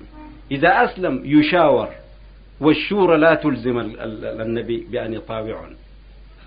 فبما رحمة من الله لنت لهم ولو كنت فظا غليظ القلب لانفضوا من حولك فاعف عنهم واستغفر لهم وشاورهم في الأمر. قال فإذا عزمت فتوكل على الله. هنا بتروا أنتوا دعاة الدستور الإسلامي يقولوا الإسلام حكم الشورى. الإسلام في الحقيقة مش حكم الشورى. الشورى كانت مرحلة فيه والشورى مش ديمقراطية. الشورى حكم الفرد الرشيد. في بعض الكتاب قال الشورى ديكتاتورية غشومة ووصفها بحاجة زي دي. لكن أنا بفتكر أن إن أردنا الدقة فيها هي حكم الفرد الرشيد الوصي على القصر. والمسألة دي التمييز ده بيجي من أنه ما كل دكتاتور بيستحق أن يكون وصي. من أجل ده يمكنك أن تقول العبارة العامة أن الحرية حيث كان عليها وصي ذهبت. الوصاية لا يمكن أن تستقيم مع الديمقراطية.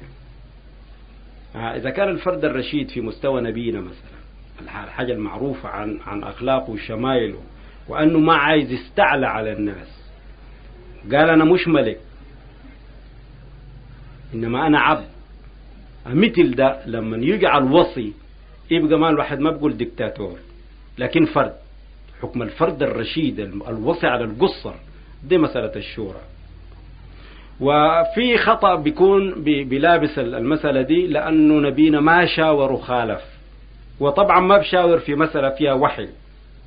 في مسألة دنيوية ما اتفق في التاريخ أنه شاور وخالف لكن أبو بكر عمر عثمان كلهم شاوروا وخالفوا لغاية ما جاء معاوية زي ما أنتم عارفين أبى حتى ما يشاور. بقت المسألة ملك عضوض زي ما تنبأ به النبي في وقته. هنا كأنه المعنى وشاورهم في الأمر فإذا عزمت فتوكل على الله المعنى بيقع في ثلاثة مستويات. يشاور إذا كان رأيهم زي رأي وعايز ينفذ يبقى يتوكل على الله. يشاور إذا كانت ما عنده مشورة ضد مشورته أداها ترجيح وعايز ينفذها يتوكل على الله لكن إذا كان شاور وأشاروا عليه بحاجة وعنده رأي مخالف لرأي رأي ما ملزم. دي الشورى في حقيقتها. النقطة الأخيرة دي ما حصلت؟ عشان ما حصلت في ناس كثيرين ضلوا في مسألة الشورى يفتكروها ديمقراطية. لكن الشورى في مرحلة الشريعة هي في الحقيقة وماها مرحلة ديمقراطية. ومن أجل ده المرحلة دي ما فيها دستور. الوصاية زي ما قلنا في حق المشرك أن يحمل على مصلحته بالسيف. فإذا أسلم يحمل على مصلحته بالتربية اللي بيتعهد بها الرشيد على القاصر المشاورة منها. المشاورة شريعة نبينا مأمور بها لكنها ما ملزمة. هنا آيات الإسماح منسوخة بآيات الإكراه. إذا كان أنت جيت للمسألة الثانية دي دي فيما يخص الديمقراطية ونحن قبل قلنا في الطرف من الديمقراطية لازم تكون الاشتراكية. ما في ديمقراطية يمكن أن تمارس في التطبيق العملي صحيحة إذا كانت ما معها اشتراكية. للحاجة اللي بتمثل الإنسان اللي بيمارس التطبيق المواطن. آه، في حق ال ال ال الاقتصاد برضو آيات الأصول منسوخة. مثلا آه، يسألونك ماذا ينفقون؟ قل العفو. ده في حق المال.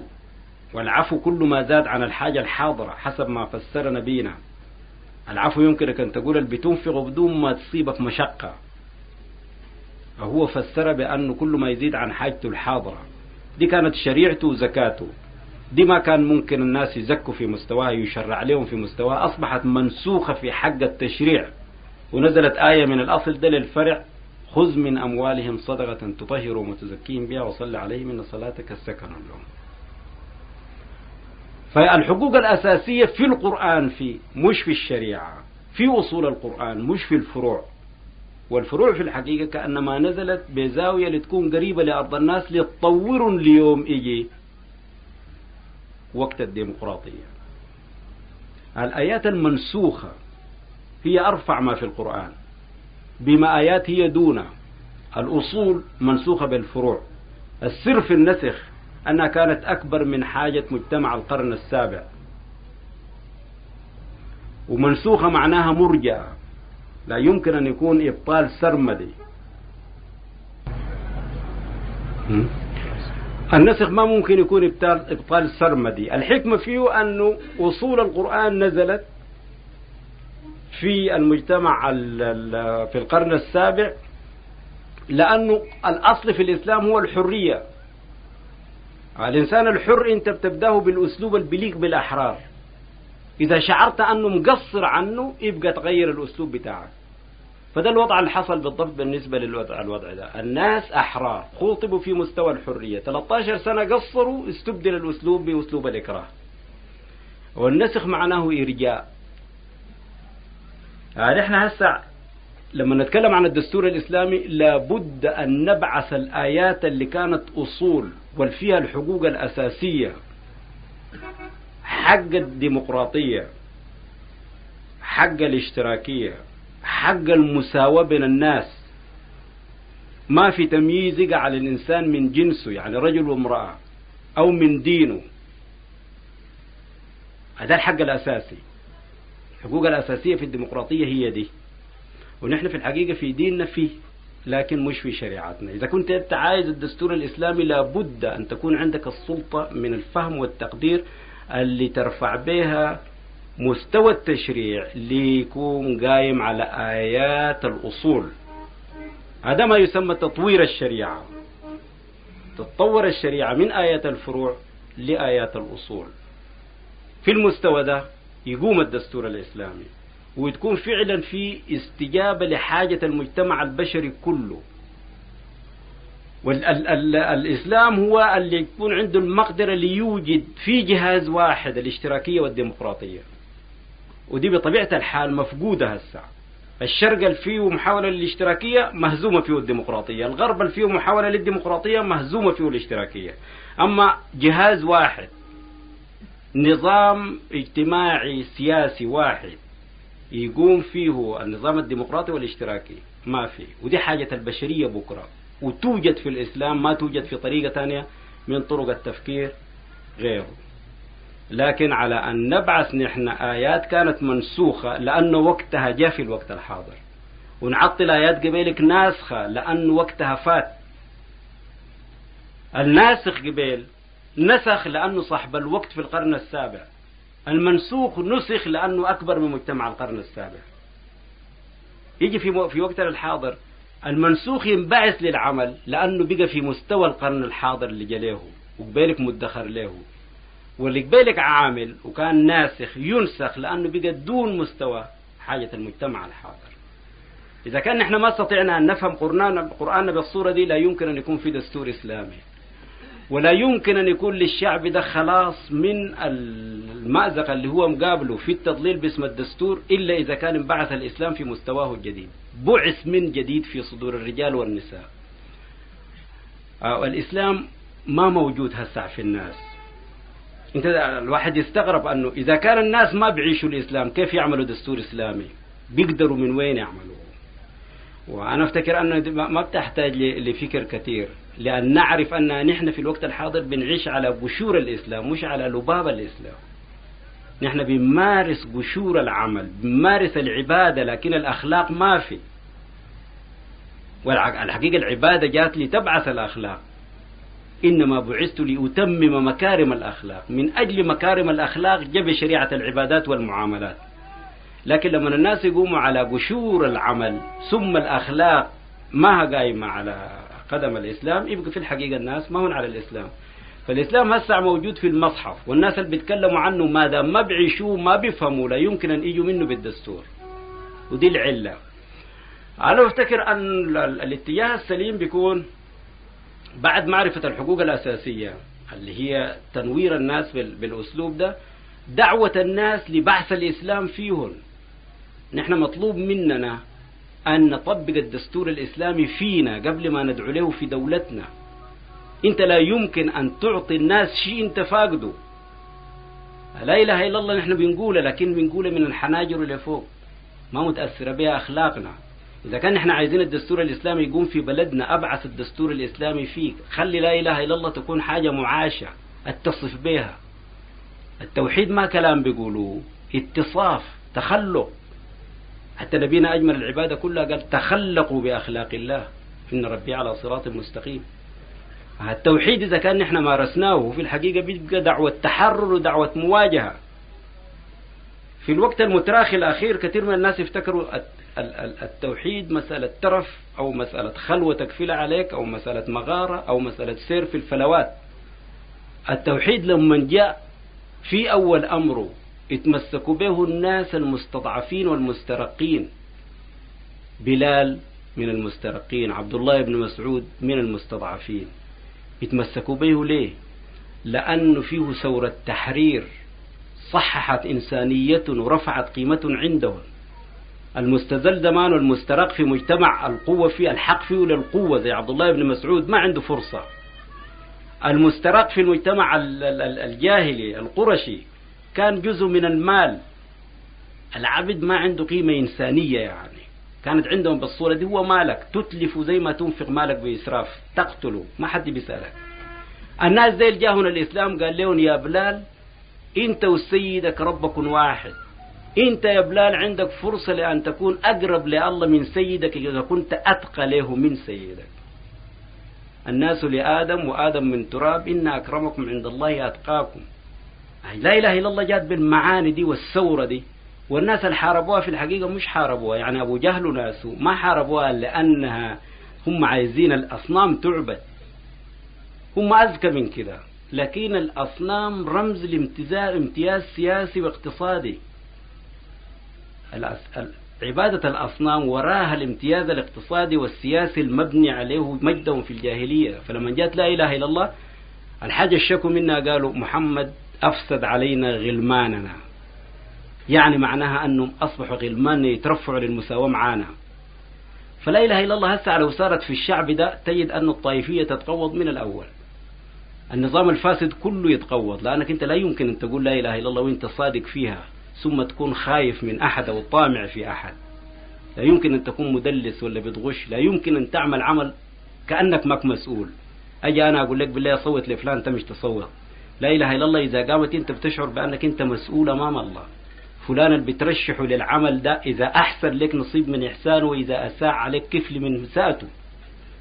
وفي الحقيقة لا إله إلا الله على بساطة لو انبعثت هسه الشعب ده يرتفع ويوعى. الحقوق الأساسية بعد ما نعرفها نحن ما في سبيل لحماية لتصان إلا الشعب. بعد الله الشعب. الشعب الواعي هو اللي بيمسك قضيته في إيديه. حركتنا الوطنية كلها حركتنا السياسية ما فيها توجه لتوعية الشعب بل الحقيقة أنه مصلحتها في تغفيل الشعب. الطائفية قمة هرم الطائفية مصلحته تتعارض مع مصلحة الشعب. إذا الشعب وعى القمة ما بتلقى امتيازا ولذلك تلقوا أن الطائفية قايمة على تضليل الناس. الأحزاب السياسية الطائفية قايمة على تضليل الناس. الدعاة الإسلاميين نفسهم من حيث لا يشعروا بقوا يضللوا. لأنه بيقول لنا نحن مسلمين ناقص لنا شنو؟ ما عايزين ولا ناقص حاجة إلا نطبق الشريعة. وده خطأ أساسي لأنه نحن فعلا ناقصين شيء كثير جدا في داخليتنا خربانين. وما أفتكر نحن بنتغير بغير ثورة بلا إله إلا الله تبتدي من الداخل لتغير الإنسان يصبح كأنه مولود جديد. زي ما ولد أبو بكر وعمر وعثمان وعلي. أبو بكر وعمر وعثمان وعلي كانوا في الجاهلية ما هون شيء. عمر بن الخطاب كان يحكي عن نفسه كيف أنه كان عنده الصنم عجوة يعبده وكيف أنه كان بيحفر لبنته ليئدة بعدين لما أصبح مسلم لما سارت فيه لا إله إلا الله ولد من جديد وأصبح عمر القمة. اللي بيتكلم ببعض العبارات اللي تطلع عليها الأفكار الاشتراكية هسه في المرحلة دي. العبارة بتاعه اللي قالها لو استقبلت من أمري ما استدبرت لأخذت فضول أموال الأغنياء فرددتها على الفقراء. قمة من الفهم قال رجل ساذج كان برعى الإبل وكان بيعد البنت ويعبد الحجر بالصورة اللي أنتم شايفينها أو أو صنم العجوة. مجرد من اشتعلت فيه لا إله إلا الله غيرته تغيير أساسي. إذا الإسلام مش لمجرد أننا نحارب به الطائفية لأصول فيه والأصول فيه أهم كمان ما فيها أنها بسيطة. الإسلام ما عايز استعداد مسبق عشان ما تفهمه. هو دين الأميين نبيه أمي وأمة أمية. والأمي ما عنده أي تحصيل سابق حتى ولا بيكتب ويقرأ. وكان الأعرابي ينيخ راحلته يقعد قدام النبي ربع ساعة يعرف المطلوب منه يمشي يعمل ويرتفع في المعارف. لأنه القاعدة فيه من عمل بما علم أورثه الله علم ما لم يعلم. من عمل بما علم. وعلم شنو؟ علم تكاد تكون ما ما حاجة يعني في في تحصيل العلم بالمعنى اللي بنسميه نحن مثلا علم كيف يتوضأ يتوضأ. علم كيف يصلي يصلي. ده معنى معنى عمل بما علم. يعني العبادة لابد لها من العلم ما بتصح إلا بدو إلا به وذاته الحكاية الوضوء برضه ما ما كانت معقدة زي ما عقدوها الفقهاء فيما بعد. زمان ما كانوا بيقولوا النبي ما بيجي يقول له فرائض الوضوء كده وسنن الوضوء كده مستحبات الوضوء كده. يتوضأ قدامه يقول له توضأ كما تراني أتوضأ. صلوا كما رأيتموني أصلي بالهيئة. ولذلك ديننا بصورته دي بساطة نزلت لأرض الناس ثم تشدهم للمطلق في التحصيل لا حد لتطور في المراقي دي. أنا أفتكر أصلح شيء لشعبنا ده. لأنه بعيد من أن يتنور بوسائل التعليم العامة. نحن فقراء حتى يعني المدارس بالمستوى اللي لو كانت المدارس بتنور نحن ما ميزانيتنا ما بتتسع لأن ننور شعبنا بالصورة دي. لكن لما تنبثق الثورة الفكرية بلا إله إلا الله في جدتها وسذاجتها وطيبتها وصدقها زي ما انبعثت في القرن السابع أنا أفتكر تغير شعبنا بسرعة ليكون واعي ليكون ديمقراطي ليعرف الدسائس اللي بتكاد تحاك حوله. من أجل ده أشياء كثيرة جدا تجعل الإسلام هو المرشح للمسألة. الدستور الإسلامي يجب أن يقوم ويقوم توا لكن على أن يفهم. وزي ما قلنا الإسلام زي اللي عنده وجهين. الوجه المقابلنا ما هو الدستور الإسلامي. أقلب الوجه من هناك تلقاه هو الدستور الإسلامي. أفهم القرآن فهم في مستواه. ارتفع من فروعه لوصوله. أعرف الحكمة فيه. ينبعث لك الدستور الإسلامي. يعني إحنا الجمهوريين جعلنا وكدنا الموضوع ده. نكتب فيه ونحاضر ونلف الناس حوله ونحاول التوعية فيه لكن العقبات اللي قدامه أنه الرأي غريب. والحقيقة أنه موعود نبينا في عودة الدين كده. قال بدأ الإسلام غريبا وسيعود غريبا كما بدأ. فطوبى للغرباء. قالوا من الغرباء يا رسول الله؟ قال الذين يحيون سنتي بعد اندثارها. فإذا المشاكل الثلاثة اللي إحنا قدامنا اللي هي توصيات سنة 67 أو الدستور العلماني أو الدستور الإسلامي المزيف مهددانا تهديد حقيقي. وما أفتكر أنه شعبنا بقى مواجه قضية حاسمة في تاريخه زي ما نحن مواجهين المشكلة دي. وما في فكاك منها إلا عن طريق الإسلام وعن طريق الإسلام الواعي يسور به الشعب. فالحقيقة أنه أنا أفتكر أنه الجو مهيأ له لأنه شعبنا ما دام عمل شعب ثورة أكتوبر بالصورة ديك ارتفع بثورة أكتوبر بارتفاع ديك ثم ثورة أكتوبر هبطت. لأنها كانت قائمة على الناحية العاطفية فقط. إذا كان آزرنا ثورة أكتوبر بالناحية الفكرية إذا كان صحرانا المجدبة في الفكر دي زي ما قال السيد الرئيس غيرناها بأن يتولوا المثقفين التوجيه الصحيح. ابتدوا بأنفسهم ثم يسيروا الحركة الثورية بالفكر الإسلامي. أنا متأكد أنه وجه التاريخ في البلد ده يتغير وكل المخاطر اللي بتواجهنا من دستور جاهل يمر باسم الإسلام. محتواه جهل. التوبة اللي بيلتفع به قداسة من الإسلام تشيل تفكيرنا. الخطر ده يمكن أن يندفع ولا أعتقد أنه يمكن أن يندفع بطريق غير طريق الوعي. إذا الحقوق الأساسية أفتكر حاولنا نخطط لها ونبينها وتابعناها في الدساتير اللي عندنا. طريقة حمايتها وأن تكون محرزة في الدستور الدائم هو وعي ووعية. أصلا ما في تاني حاجة غيره. والوعي ده أنا أفتكر أن الواجب فيه بقى على المثقفين قبل عامة الشعب. المثقفين يجب أن ينتبهوا إلى الدور الفكري اللي بيلعبوه في المرحلة دي ليوعوا الشعب. دي بإيجاز يمكن التخطيطات للحديث حول محاضرتنا لكن أفتكر بتبين أكثر إذا كان وجدتوا أنتم الفرصة لتشاركوا في نقاشها. شكرا. والآن نفتح لكم مجال الأسئلة. وأرجو أن تكون أسئلتكم محدودة في حدود المح... في حدود المحاضرة. الحمد لله وحده والصلاة والسلام على من لا نبي بعده. إن أصدق الحديث هو كتاب الله تعالى وخير حديث هدي محمد صلى الله عليه وسلم وشر الأمور محدثاتها وكل محدثة بدعة وكل بدعة ضلالة وكل ضلالة في النار. أيها المسلمون يقول الله سبحانه وتعالى في محكم تنزيله تنزيل الذي لا يعتيه الباطل من بين يديه ولا من خلفه تنزيل من عزيز الحميد يقول فيه اتبعوا ما أنزل إليكم من ربكم ولا تتبعوا من دونه أولياء قليلا ما تذكرون. تنزيل الذي يقول الله سبحانه وتعالى فيه إن هذا القرآن يهدي هي التي يقوم ويبشر المؤمنين. يا أيها المسلمون أن ذكر الأستاذ محمود محمد طه عن الدستور الإسلامي ويقول الله سبحانه وتعالى في حق الدستور إن ما لم يحكم ما أنزل الله أولئكم الكافرون وما لم يحكم ما أنزل الله أولئكم الفاسقون وما لم يحكم ما أنزل الله أولئكم الظالمون. وبعدين حي, تاني يعني أنا أرجو أرجو أعرف عن محمد طه إنه إنه أول حاجة إنه ذكر ذكر في في محاضرته إنه أول حاجة يعني عن عن النبي صلى الله عليه وسلم انه إنه يعني قال صلوا كما رايتموني اصلي ذكر هذا الحديث فإن محمد معطاه هو شخصية ولا جمهورية ما مطبق هذا الحديث من عنده. كويس؟ عاوز يعرف وربنا سبحانه وتعالى يقول في في في موقع تنزيلي. رحيم. في موقع تنزيلي. يا إخوان قوم بس لكن اختصر ثلاث أربع كلمات. كويس حاضر. ربنا يقول إن خلفوا من بعدهم خلفاء وضاعوا الصلاة واتبعوا الشهوات سوف يلقونها غيا فيقول صلى الله عليه وسلم في هذا حق هذا هذا الحديث لما سال علي علي ابي طالب هذا الحديث ماذا يا رسول الله؟ فقال غيا من حفر حفر النار فإن ما بصلي يكون في غيا هناك. فأنا إذا اعرف إنه محمود محمد طه ولا الجمهوريين بصلى الرسول ولا بصلى زي صلاة الرسول صلى الله عليه وسلم. وبعدين هاي أنا بعرفها. أنا بدي أوضح له إنه هو بصلاته كيف وصلاة الرسول كيف.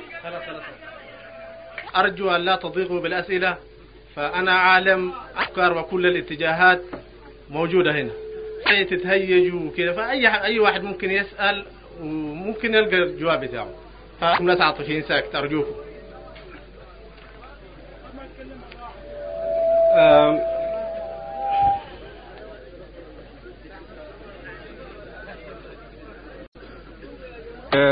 نبدأ بحديث السيد عن مثلا كل محدثة ضلالة كل محدثة بدعة وكل بدعة ضلالة وكل ضلالة في النار. وأن القرآن ده مشتمل على كل شيء. لو نحن لاحظنا الملاحظة دي هل الكلام ده كله مش كان دعوة للقرآن؟ هل الكلام في بعث الدستور الإسلامي مش دعوة لبعث أصول القرآن؟ هل السيد المحاضر عنده اعتراض على الكلام ده من ناحية القرآن؟ السيد المحاضر السيد السائل بيقرأ القرآن بطريقة ما بيدل على أنه ذاته حافظ القرآن يعني في لحن شديد فيه. ثم بعد أن يقرأ القرآن قراءة صحيحة بيحتاج أن يكون مفهوم. يعني إحنا في المرحلتين ديل أفتكر عندنا الامتياز على الطريقة اللي هو سأل بها القرآن بيقرأ عندنا صحيح ومفهوم صحيح. النقطة كلها هي في الفهم. نحن ما ما راح يجينا نبي جديد بوحي جديد لكن راح يكون عندنا فهم جديد لأنه القرآن لا يمكن أن يستقصى فهمه. وزي ما قلت بالك كل ما كان الناس متطورين بوسائل العبادة ووسائل العلم بيمشوا في فهم المعاني. من المعاني؟ اللي بنتفاوت في فهمها. أن القرآن عنده قمة عند الله وعنده قاعدة عندنا زي ما قلنا قبيل. القرآن أصله كله بدور حول لا إله إلا الله. المركز اللي بيلف حول القرآن هي لا إله إلا الله. ولا إله إلا الله قيلت في إطلاق الله زي ما قلنا قبيلك شهد الله أنه لا إله إلا هو الملائكة وأولي العلم والناس في الأرض بيقولوها. خير ما جئت به أنا والنبيون من قبل لا إله إلا الله. ويتفاوت الفهم من المحدود إلى المطلق. فالعبارات إذن هي في الفهم. النقطة بتاعت الصلاة وفي الحقيقة دائما بتسار. وبتسار دائما أنا أفتكر إلى حد كبير بيكون فيها غرض التشويش أكثر يعني الواحد لما يطلع من محاضرة قدمت له فيها حقائق. الإنسان اللي بيصلي لو أنت ناقشتم لا يمكن أن يصلي بدون ما يكون مصلي. تترك جانب لأنه في التزام لما أنت تجي للأفكار لكن الشوشرة ما بتكلفك حاجة. أنت تجي تمشي تسأل في الموضوع ده بالصورة دي. يعني إحنا زي ما قال السيد المحاضر المجتمعات السيد رئيس الجلسة المجتمعات اللي إحنا بنحاضر فيها وفيها كل ألوان الناس. ونحن متعودين على أن نسمع الأسئلة أو الاتهامات تجي من كل أنواع الناس. وبنتسع لها في الحقيقة بيبقى وسعنا الله فيها بنتكلم عنها بالرد الممكن. يكون. كل ما يحصل من من وضع زي ده أنه بيصرف الكلام عن موضوع المحاضرة. وهسه بيكون الاتجاه بتاع النقاش ده أن ينصرف فعلا عن مناقشة الحقوق الأساسية. لكن لا ضير. ما دام الوضع بالصورة دي يعني. القرآن نحن نتكلم عن فهمه. القرآن مثاني. الله نزل أحسن الحديث كتابا متشابها مثانية مثاني معناه عنده معنيين معنى فوق ومعنى تحت. لأنه الرب يتكلم للعبد. الكلام لما يصدر من الرب في إطلاقه ده لا يعرفه إلا الله. لما ينزل في المستوى اللي بيخاطب به الرب العبد يكون مفهوم وعندنا نحن مفهوم باللغة العربية. ولذلك قال حاميم والكتاب المبين إنا جعلناه قرآنا عربيا لعلكم تعقلون. من أجل أن تعقلوا. جعلوا ربنا قرآن عربي ثم قال وإنه في أم الكتاب لدينا لعلي حكيم. تفاوت ده في الفهم ده اللي بيتفاوت بين المعنى القريب والمعنى البعيد في المثاني هنا الحكاية إن إحنا ما مفهومة عندنا هي انه في معنى بعيد. هل الحقيقة في في ناس يعارضوا لما تقول لنا القرآن عنده ظاهر وباطن؟ في ناس كثيرين مدارس كثيرة من التفكير الإسلامي شائعة هسه ونشيطة. تفتكر انه الإسلام ما عنده القرآن ما عنده باطن. لكن القرآن عنده مستويات أكثر من ظاهر وباطن. نحن بس نتكلم في مسألة الظاهر والباطن دي. هنا لما زي عبارة وما خلقت الجن والإنس إلا ليعبدون. ربنا قال وما خلقت الجن والإنس إلا ليعبدون. يعبدون دي عندها معنى قريب؟ ومعنى بعيد. المعنى القريب العبادة في الشريعة. المعنى البعيد العبودية. العبادة وسيلة للعبودية. معنى أنه المعنى القريب العبادة يعني أنت تعبد لتحقق العبودية. العبادة جاتنا بأمر ربنا علينا لينا على لسان الأنبياء. زي العبارة بتاعت صلوا كما رأيتموني أصلي. كأنه ربنا قال ما خلقت الجن والإنس إلا ليعبدوا كما أمرتهم على لسان نبي أن يعبدوا. ليكونوا لي عبيدا كما أمرتهم على لسان عزتي أن يكونوا. وين قال بلسان عزته أن نكون عبيد؟ قال إن كل من في السماوات والأرض إلا آتي الرحمن عبدا لقد أحصاهم وعدهم عدا وكلهم آتيه يوم القيامة فردا. فردية السلوك من النظام الجماعي إلى مقامات الفردية دي مقامات العبودية. فتجي تلقى أن الإسلام القرآن كله مركز على الفردية. المعرفة لله أصلا ما بتكون جماعية. العمل يكون جماعي في مظهره لكنه فرد في حقيقته. لأن الفردية هي الأصل. شوف القرآن ولا تزر وازرة وزر أخرى كل نفس بما كسبت رهينة. وإن تدعو مثقلة إلى حملها لا يحمل منه شيء ولو كان ذا قربى. لقد جئتمونا فرادا كما خلقناكم أول مرة.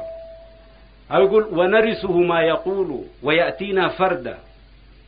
فالفردية هي أصل التكليف والفردية هي العبودية. لأن العبودية مواجهة العبد للرب وتأدب العبد نحو الرب ما يليق له. المعرفة كلها فردية والحقائق كلها فردية. بل انت إذا كان دقيق في المسألة الجماعية مظهر للفردية. هسا نحن كلنا لو قمنا ثلاثة أربعة صفوف نصلي عندنا إمام واحد يصلي بينا ونحن حركاتنا على حركاته لكن كل قلب موقف براه لا يمكن أن يكونوا في قلبين على قلب واحد. ودي تجي من التوحيد من سعة الألوهية. لما ربنا قال كل يوم هو في شان. الشان هو تجليه لعباده ليعرفوه.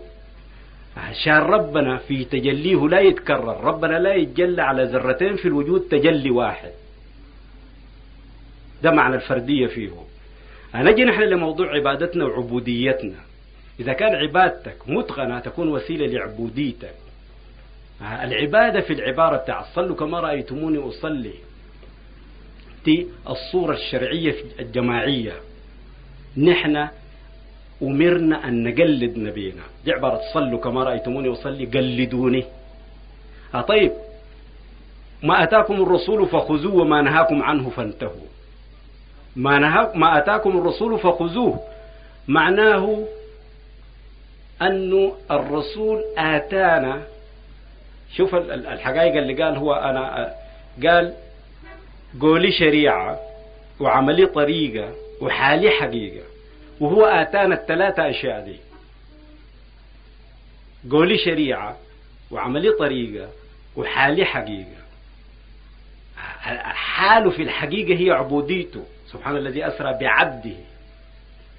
عبوديته أن حياته كلها لله. قل إن صلاتي ونسكي ومحياي ومماتي لله رب العالمين لا شريك له وبذلك أمرت وأنا أول المسلمين. ما آتاكم الرسول فخذوه وما نهاكم عنه فانتهوا. أن الرسول آتانا آتانا شريعة وآتانا طريقة وآتانا حقيقة. لكن إحنا ما عارفين المستويات دي.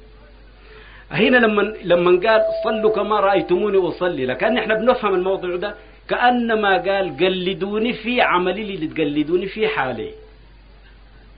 لأنه ما في عمل هو غاية في ذاته. الصلاة مش غاية في ذاتها الصلاة زي ما قلنا وسيلة للصلة وسيلة للعبودية وسيلة للحضور مع الله بلا غفلة. فلما قال صلوا كما رأيتموني وصلي كأنه قال قلدوني في صلاتي لتقلدوني في حالي. حال الأصالة. نبينا حالته الفردية الأصالة هو ما مقلد. الصلاة الشرعية اللي هو بصليها هي صلاته هو بالأصالة لكن صلاتي أنا وصلاتك أنت صلاة أبو بكر وما دونه بالتقليد. نحن ما نوصل لما نحن نقلد في عمله في في العبادة لما نجي نقلد في حاله في الأصالة بتبرز حالة من الأصالة يسقط معها التقليد ولا تسقط الصلاة. يسقط التقليد ولا تسقط الصلاة. الصلاة شنو؟ دي برضو المعاني ما معروفة. حتى نحن لما قال نبينا لما قال الصلاة صلة بين العبد وربه. وقال الصلاة معراج العبد إلى ربه. نحن ما عندنا فهم غير أن الصلاة هي الهيئة الشرعية اللي بن بنعملها الساعة. والحقيقة أنه حتى ده, ده ما سوغ لنا نحن في التضليل. نحن قلنا ما نحن بنصلي. ما دام بنصلي خلاص نحن مسلمين. نحن بنصوم. ما دام بنصوم نحن مسلمين. لكن لو عرفنا أنه الصلاة حركة لقدام باستمرار تقربك من الله كنا بنقيس صلاتنا. هل هي باطلة ولا حق؟ هل هي بتقربنا ولا عمل آلي بقى روحه ما في قشرته فيه هو قال الصلاة معراج العبد إلى ربه. قال الصلاة صلة بين العبد وربه. المعنيين دين مش واحد. الصلاة صلة بين العبد وربه. دي الصلاة اللي لما نبينا قام في المعراج بين يدي الله جبريل ما في. بعد ما جبريل تخلف في سدرة المنتهى جاءت عبارة الصلاة الصلة. والقرآن جاء يحكي عنها إذ يغشى السدرة ما يغشى ما زاغ البصر وما طغى. إذ يغشى السدرة ما يغشى ما زاغ البصر وما طغى. ما زاغ البصر وما طغى يعني أنه نبينا فكره ما اشتغل بالماضي ولا بالمستقبل. ما زاغ البصر ما فكر في مكة خلى شنو. ولا في المستقبل ما قاعد يشتغل بالخطوة الجاية بيحصل عليه وشنو في المقام الموحش ذاك إنما كان في اللحظة الحاضرة. وهسه أنت لما تجي في الصلاة الحاجة اللي بتنقص صلاتي وصلاتك. هي أنه خاطرنا طوالي زي بندول الساعة في الماضي والمستقبل. ما بقي في اللحظة الحاضرة ما بتحضر. مجرد من تقوم تصلي فكرك يشتغل بالماضي حصل فيه شنو؟ أنت جاي من الدكان مثلا حصل شنو في دكانك؟ آخر رسالة جات من وين؟ المبلغ الأخير خطيته في المخز في الخزنة ولا خطيته في الدرج؟ مفتاح الخزنة عندك. طوالي تحت أول ما نتجت لك حاجة من تفك... من أفكارك. معينة شغلت فكرك. تقوم تقرر أنه في المستقبل أول ما ترتاح وترجع للدكان تعمل العمل الفلاني. تكتب عن بتاع تضرب التلفون للجهة الفلانية تتصل بالسكة الحديد حصلت الرسالة أو ما حصلت. أو ده طوال المرجحه دي والحقيقة بتقرب للإنسان لذهنه لو كان نحن ضربنا بها مثل حي. زي ما بيحصل مثلا من بيعرفوه كثير من الأخوان اللي بيرتادوا السينما أو مثلا من هواة الكورة. افرض انك بتمشي السينما وفي فيلم جيد جدا الفيلم ده بدأ يعرض بتكون انت مشدود للشاشة الحركات اللي بتحصل في الشاشة والألفاظ اللي بتقال الكلمات اللي بتقال من الممثلين حتى في اللحظة ديك لا تكاد تشتغل إلا بما هو أمامك.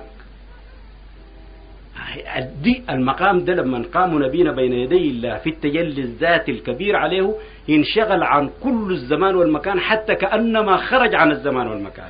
فجاءت العبارة عنه إذ يغشى السدرة ما يغشى من التجلي الإلهي ما زاغ البصر وما طغى. فكان في لحظة ديك دي جبريل ما حاضرة. ودي الفردية اللي هي العبد في مواجهة الرب في التجلي الأكبر. بعدين لما نرجع نبينا للعادة الطبيعية جات الصلاة المعراج جاب جبريل. يمكن دي توريكم الفرق بين الصلاتين. صلاة أكبر من جبريل وصلاة في مستوى ما يدرك جبريل ليوصل. فالصلاة ذات الحركات المعروفة الشرعية جاء جبريل بهيئة وضوها وهيئة صلاته وأوكاته. وبعدين نبينا قال الصلاة معراج العبد إلى ربه. كأنه المقام اللي طلع فيه في المعراج بالصورة دي بيعرج له كل يوم بالصلوات المكتوبة دي.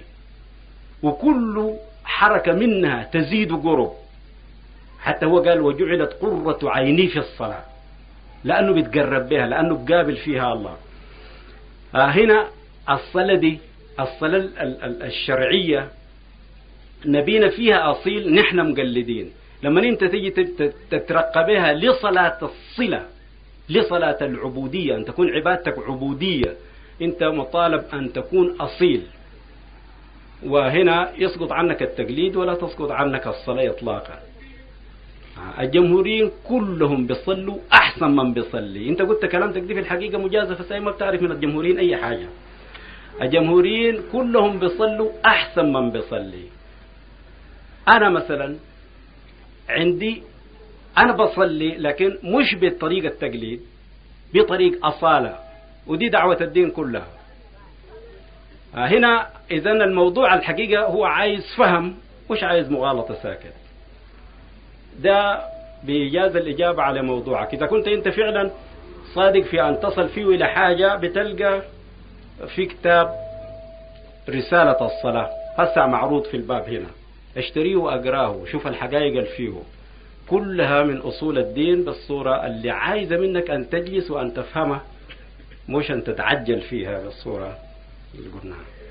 آه، في رأيي المحاضرة بتاعت الأستاذ محمود آه، كانت رائعة جدا والواحد يعني آه، قضى لحظات سعيدة وكان بي- بيستمع آه، جد آه، لعالم آه، في رأيي أنا عالم في في بلدنا هنا. إذا كان الواحد وقفت قدامه أي حاجة في أمور الدين بتاعته في رأيي ما المفروض يرجع لأي زول غير للأستاذ محمود. بالرغم إنه أنا ما بنتمي سياسيا للحزب بتاعه كده وأنا في ال- السؤال اللي فات كان تهريج وده عايز يحرف الناس عن ال- القضية بتاعتهم اللي آه، آه، أو عن آه، المحاضرة الناس يسمعوا ليها والمفروض يتناقشوا فيها يعني. وأنا عندي سؤال بسيط.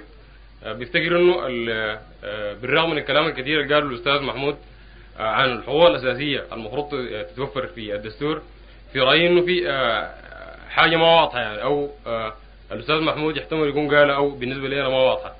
الجو ال- العام السياسي الموجود عندنا في البلد هنا آه، من سنة 65 وجاي آه، في جو بتاع آه، تهريج وتضليل وإفساد للمعاني وللمعاني الإسلامية. وفي ناس بيحاولوا آه، زي ما قال ال- ال- الأستاذ محمود آه، يحتمل يكون آه، زي هو ما قال عن جهل لكن في رأيي أنا ما عن جهل. آه، الناس دي اللي بيحاولوا يهرجوا ويضللوا اسم الدين. في رأيي أنا دي الناس واعيين وعارفين هم بيعملوا في شنو. ولكن الحاجات دي بيعملوها لمصالح سياسية ولحاجات لأغراض شخصية برضه.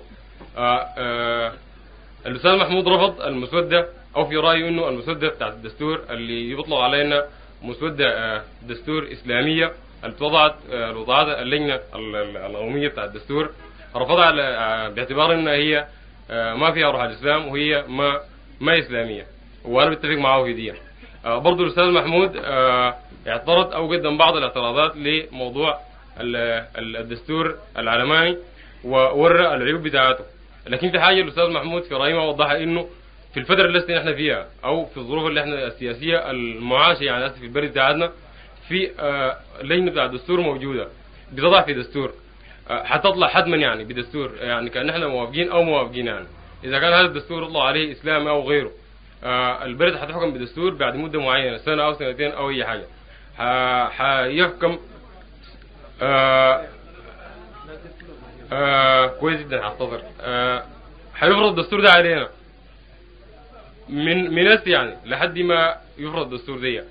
آه أنا عايز الأستاذ محمود يوريني إنه الأسلوب الممكن الناس يتجمعوا به كلهم الناس المعارضين للدستور ده يعني عشان يفرضوا دستور جديد. دستور جديد أو على الأقل يعطلوا الدستور الموجود ده الناس يعملوا شنو يعني؟ أنا في رايي ان دول الصغيره زي دي ما حيعطلوا الدستور ده الدستور حيتوضع فالحل شنو يعني؟ عشان ان إحنا إذا توضع الدستور الموجود ده الندوه بتاعت الأستاذ محمود زي تاني ما حنسمع يعني. ويحتمل الأستاذ محمود ده ينفقد يعني.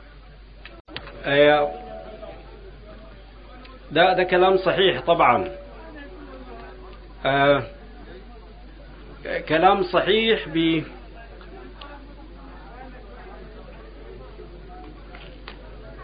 ال ال الكلام القيل في السؤال كلام صحيح بمعنى ال- الجهات العايزة تكلفة الدستور بسرعة بتقدر تمرره. أنا أفتكر بتقدر تمرره. لكن في حاجة أساسية يمكن الإنسان أن يقولها. هي أنه أنت ممكن تفرض حاجات كثيرة على الناس لكن الدستور ما واحد منها. الدستور إذا كان ما توفر له الاحترام والحب والتعلق من الشعب والحماية له ما بيستمر. ما بقول أنه يعني ما ممكن أن يفرض دستور الناس يحكموا به سنة أو سنتين زي ما هو قال. لكن صمام الأمان ضد الدستور الباطل هو وعي الشعب. الاعتبارات اللي هو قالها نحن عندنا في الحقيقة وهي ظاهرة جدا وواعية. لكن ما في سبيل بالمرة لمعارضة أي تزييف للحكم الديمقراطي إلا وعي الشعب. جايز زي ما قال لما آه، يقوم الدستور ده الندوة زي دي قد لا توجد. أنا أفتكر الأحرار برضو ما بيجدوا فرصة ليتكلموا وده كلام صحيح. لكن على بال ما تكون ال- ال- ال- الخطوة بتاعت الدستور اللي بيكمم الأفواه ويحل الأحزاب ويمنع الدور من حرية ال- المحاضرات باسم الدستور أو باسم الدين هي في الغالب ما بيجي دستور بيمنعها. إذا كان منعت بتمنع بحكم ديكتاتوري لكن باسم الإسلام ممكن تمنع. الإسلام الجاهل بمعنى أنه مش أنت وأنا جهة الإسلام. الناس اللي هم مشهورين بأنهم علماء ديل هم اللي يقولوا الكلمة. بالصورة دي بيمنع. وده الخطر ده موجود لكن أنا بفتكر ما في طريق بالمرة لمقاومة الخطر ده إلا أن نجد ونسرع في استغلال الفرصة الحاضرة للتنوير. ثم إذا قامت الحركات اللي بتكبت يجب أن يكونوا في ناس مضحيين فعلا ليقيفوا المواقف الباسلة ليعارضوا. بعدين الشعوب ما بتغلب. شوفنا إحنا في الحكم العسكري قوم تفواهنا ست سنين. تحت الأرض في حركة. ولا أنت ولا أنا ما كنا شاعرين بنضجها بالصورة دي. لما انبثقت في ثورة أكتوبر أذهلت الناس. فالوضع الخطأ. هو بيحمل جراثيم فناه في ذاته. الحاجة الواجبة علينا نحن هو التوعية. وأنا ما أفتكر أبدا في طريق لمقاومة الحكم الفاسد لتزييف الديمقراطية لفرض الآراء الخطأ على الناس إلا وعي الشعب. ممكن طبعا تكون في في تكتل لجبهة عريضة تقاوم نحن مثلا يوم بكرة عندنا دعوة للأحزاب والهيئات لتجي في دارنا وعملنا تخطيط. وفي الحقيقة مش ميثاق. الحقيقة هو بسط للفكرة الجمهورية في الدين. للدستور الإسلامي. لما يجوا الناس دي يناقشوا الموضوع ده نحن في الحقيقة كأننا بنعرض عليهم أفكارنا نحن. أو الواحد لأول مرة يشوف كأننا نحن بندعوهم ليكونوا جمهوريين. نحن لو كنا حزب من الأحزاب بيكون الكلام ده عبث طبعا. أنت حزب وتدعو حزب ثاني ليصفي وجوده اللي يجي يكون معاك جمهوري ده بيكون خطأ.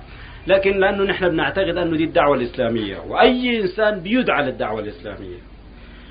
نحن ضد أن تكون في جبهة عريضة للمقاومة لأن المقاومة إذا كانت ما بتنبعث من مركز قوة ما بتجدي. مركز القوة هو الوحدة الفكرية. أنتوا زي ما شفتوا ثورة أكتوبر. ثورة أكتوبر كانت فيها وحدة عاطفية مش وحدة فكرية. لكن وحدة عاطفية ما بتندخل بالمرة لأنه كل واحد في الشعب في ثورة أكتوبر كان بيفتكر الثورة بتاعه. ما منتظر من خطيب يحمسه ولا من سياسي ليوجهه.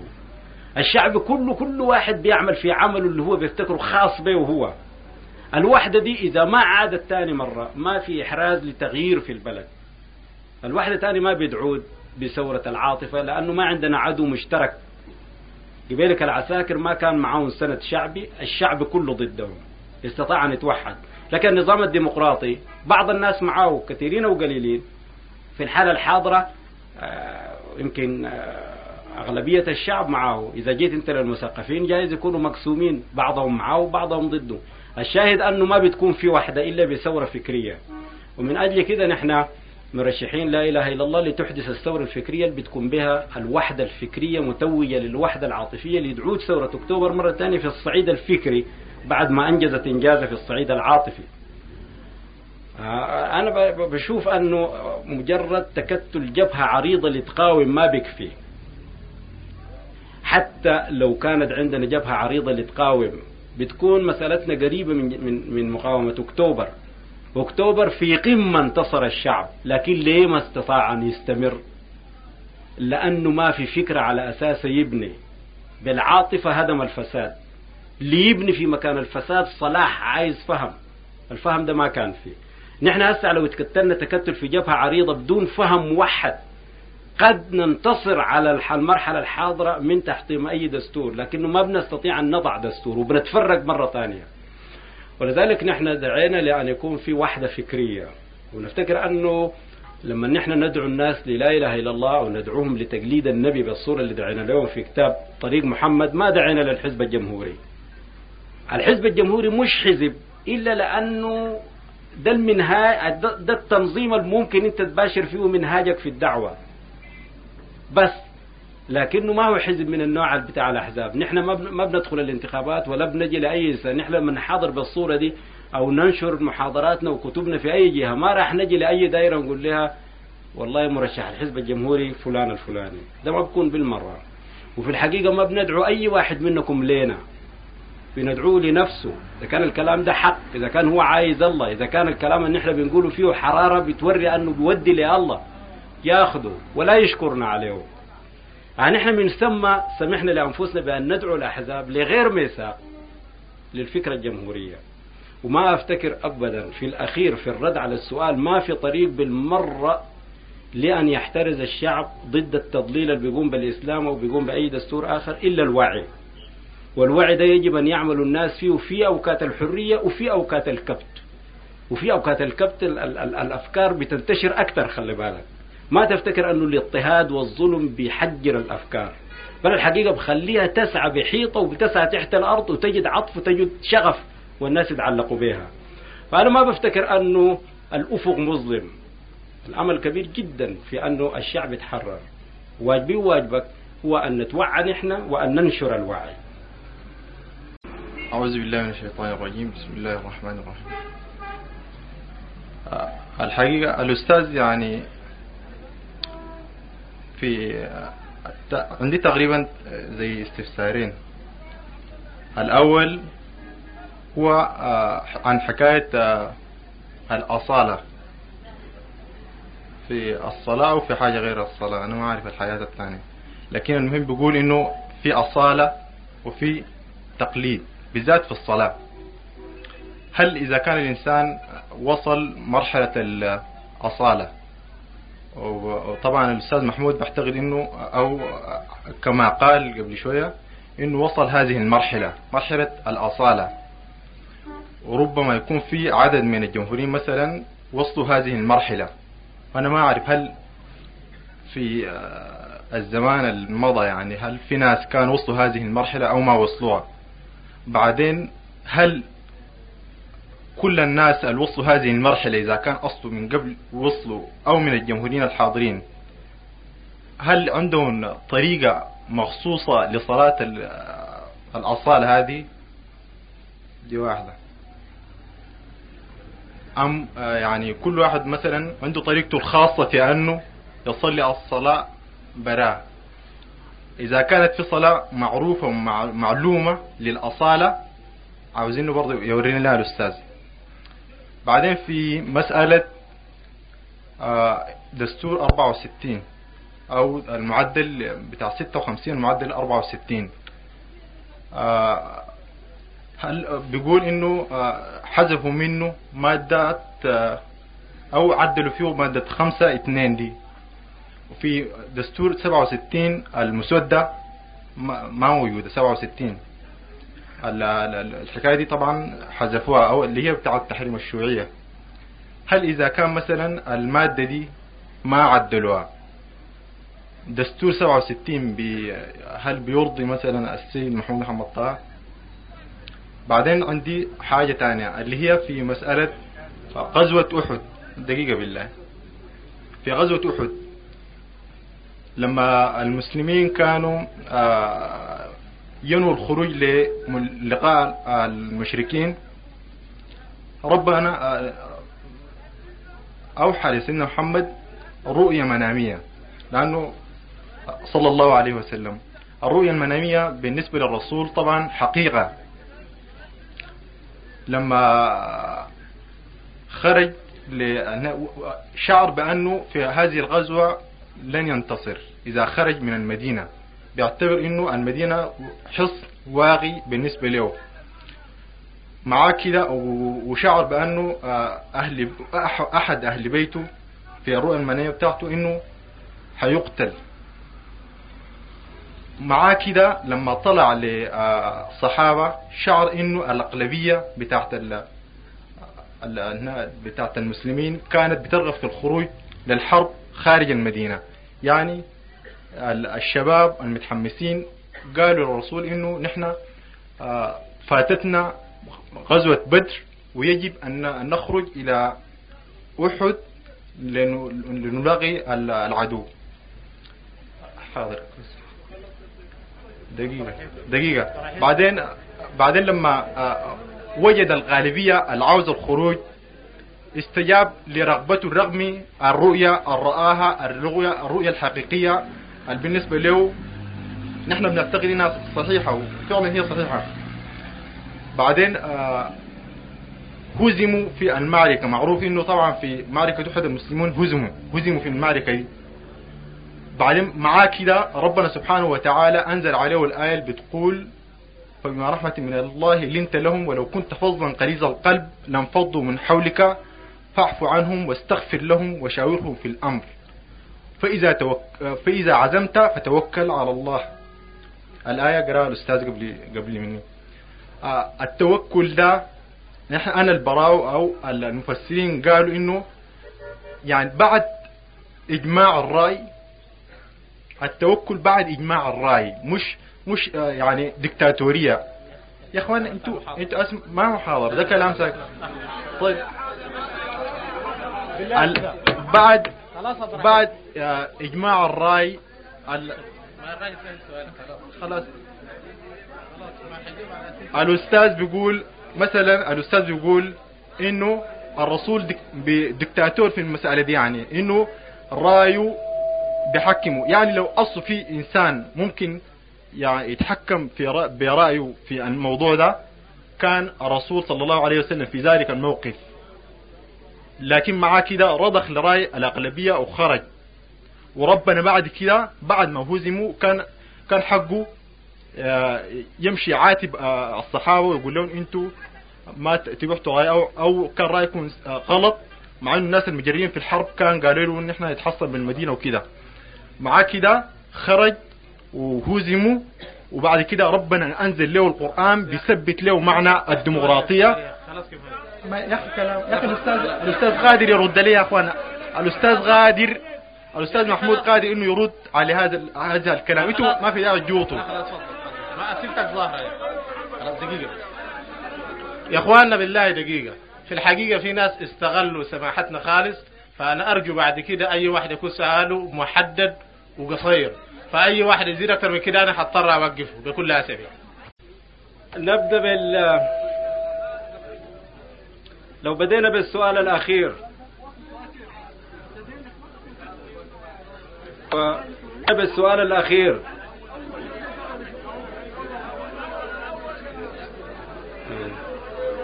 ال- ال- القصة بالصورة دي هي في الحقيقة خطأ. القصة الواردة زي ما ذكر السيد هو قال أن النبي رأى رؤيا وأن رؤية الأنبياء وحي. في الرؤيا الرؤيا وحي. لكن إذا كان عنده أمر في الوحي ده ما بيستشير. أصل الشورى مش في الحاجة اللي فيها وحي في الأمور اللي ما فيها وحي. بعدين الرؤيا ما كانت بمسألة الخروج ولا الدخول. الرؤيا كانت أن نبينا رأى أن الواقع, الواقع حصلت وأنه هو قاتل وسيف ترم وأنه رجع للمدينة وحاجب كبش وراه. فقالوا ما أولتها يا رسول الله؟ قال أما ترمة السيف فيموت رجل من أهل بيتي. وأما الكبش الذي حجبته فأقتل سيد الكتيبة. أما ما فيها مسألة أنه يخرج أو ما يخرج. بعدين جاءت القصة في أنه هو قال أنه نقاتل في المدينة. وأنه النساء يطلعن في البيوت ويرمن الحجار لديهم حجار كثيرة يرموا الحجار على المقاتلين من المشركين اللي بيمروا. ونحن نقاتل من بيت لبيت. فهم بعض ال ال ال الشبان قالوا لا نحن نخرج لهم في جبل أحد برا. على الرأي ده لو كان نبينا عنده ترجيح له أنه ما يخرج أصله ما كان في موضوع ثاني كان يقول أنه نبقى في المدينة.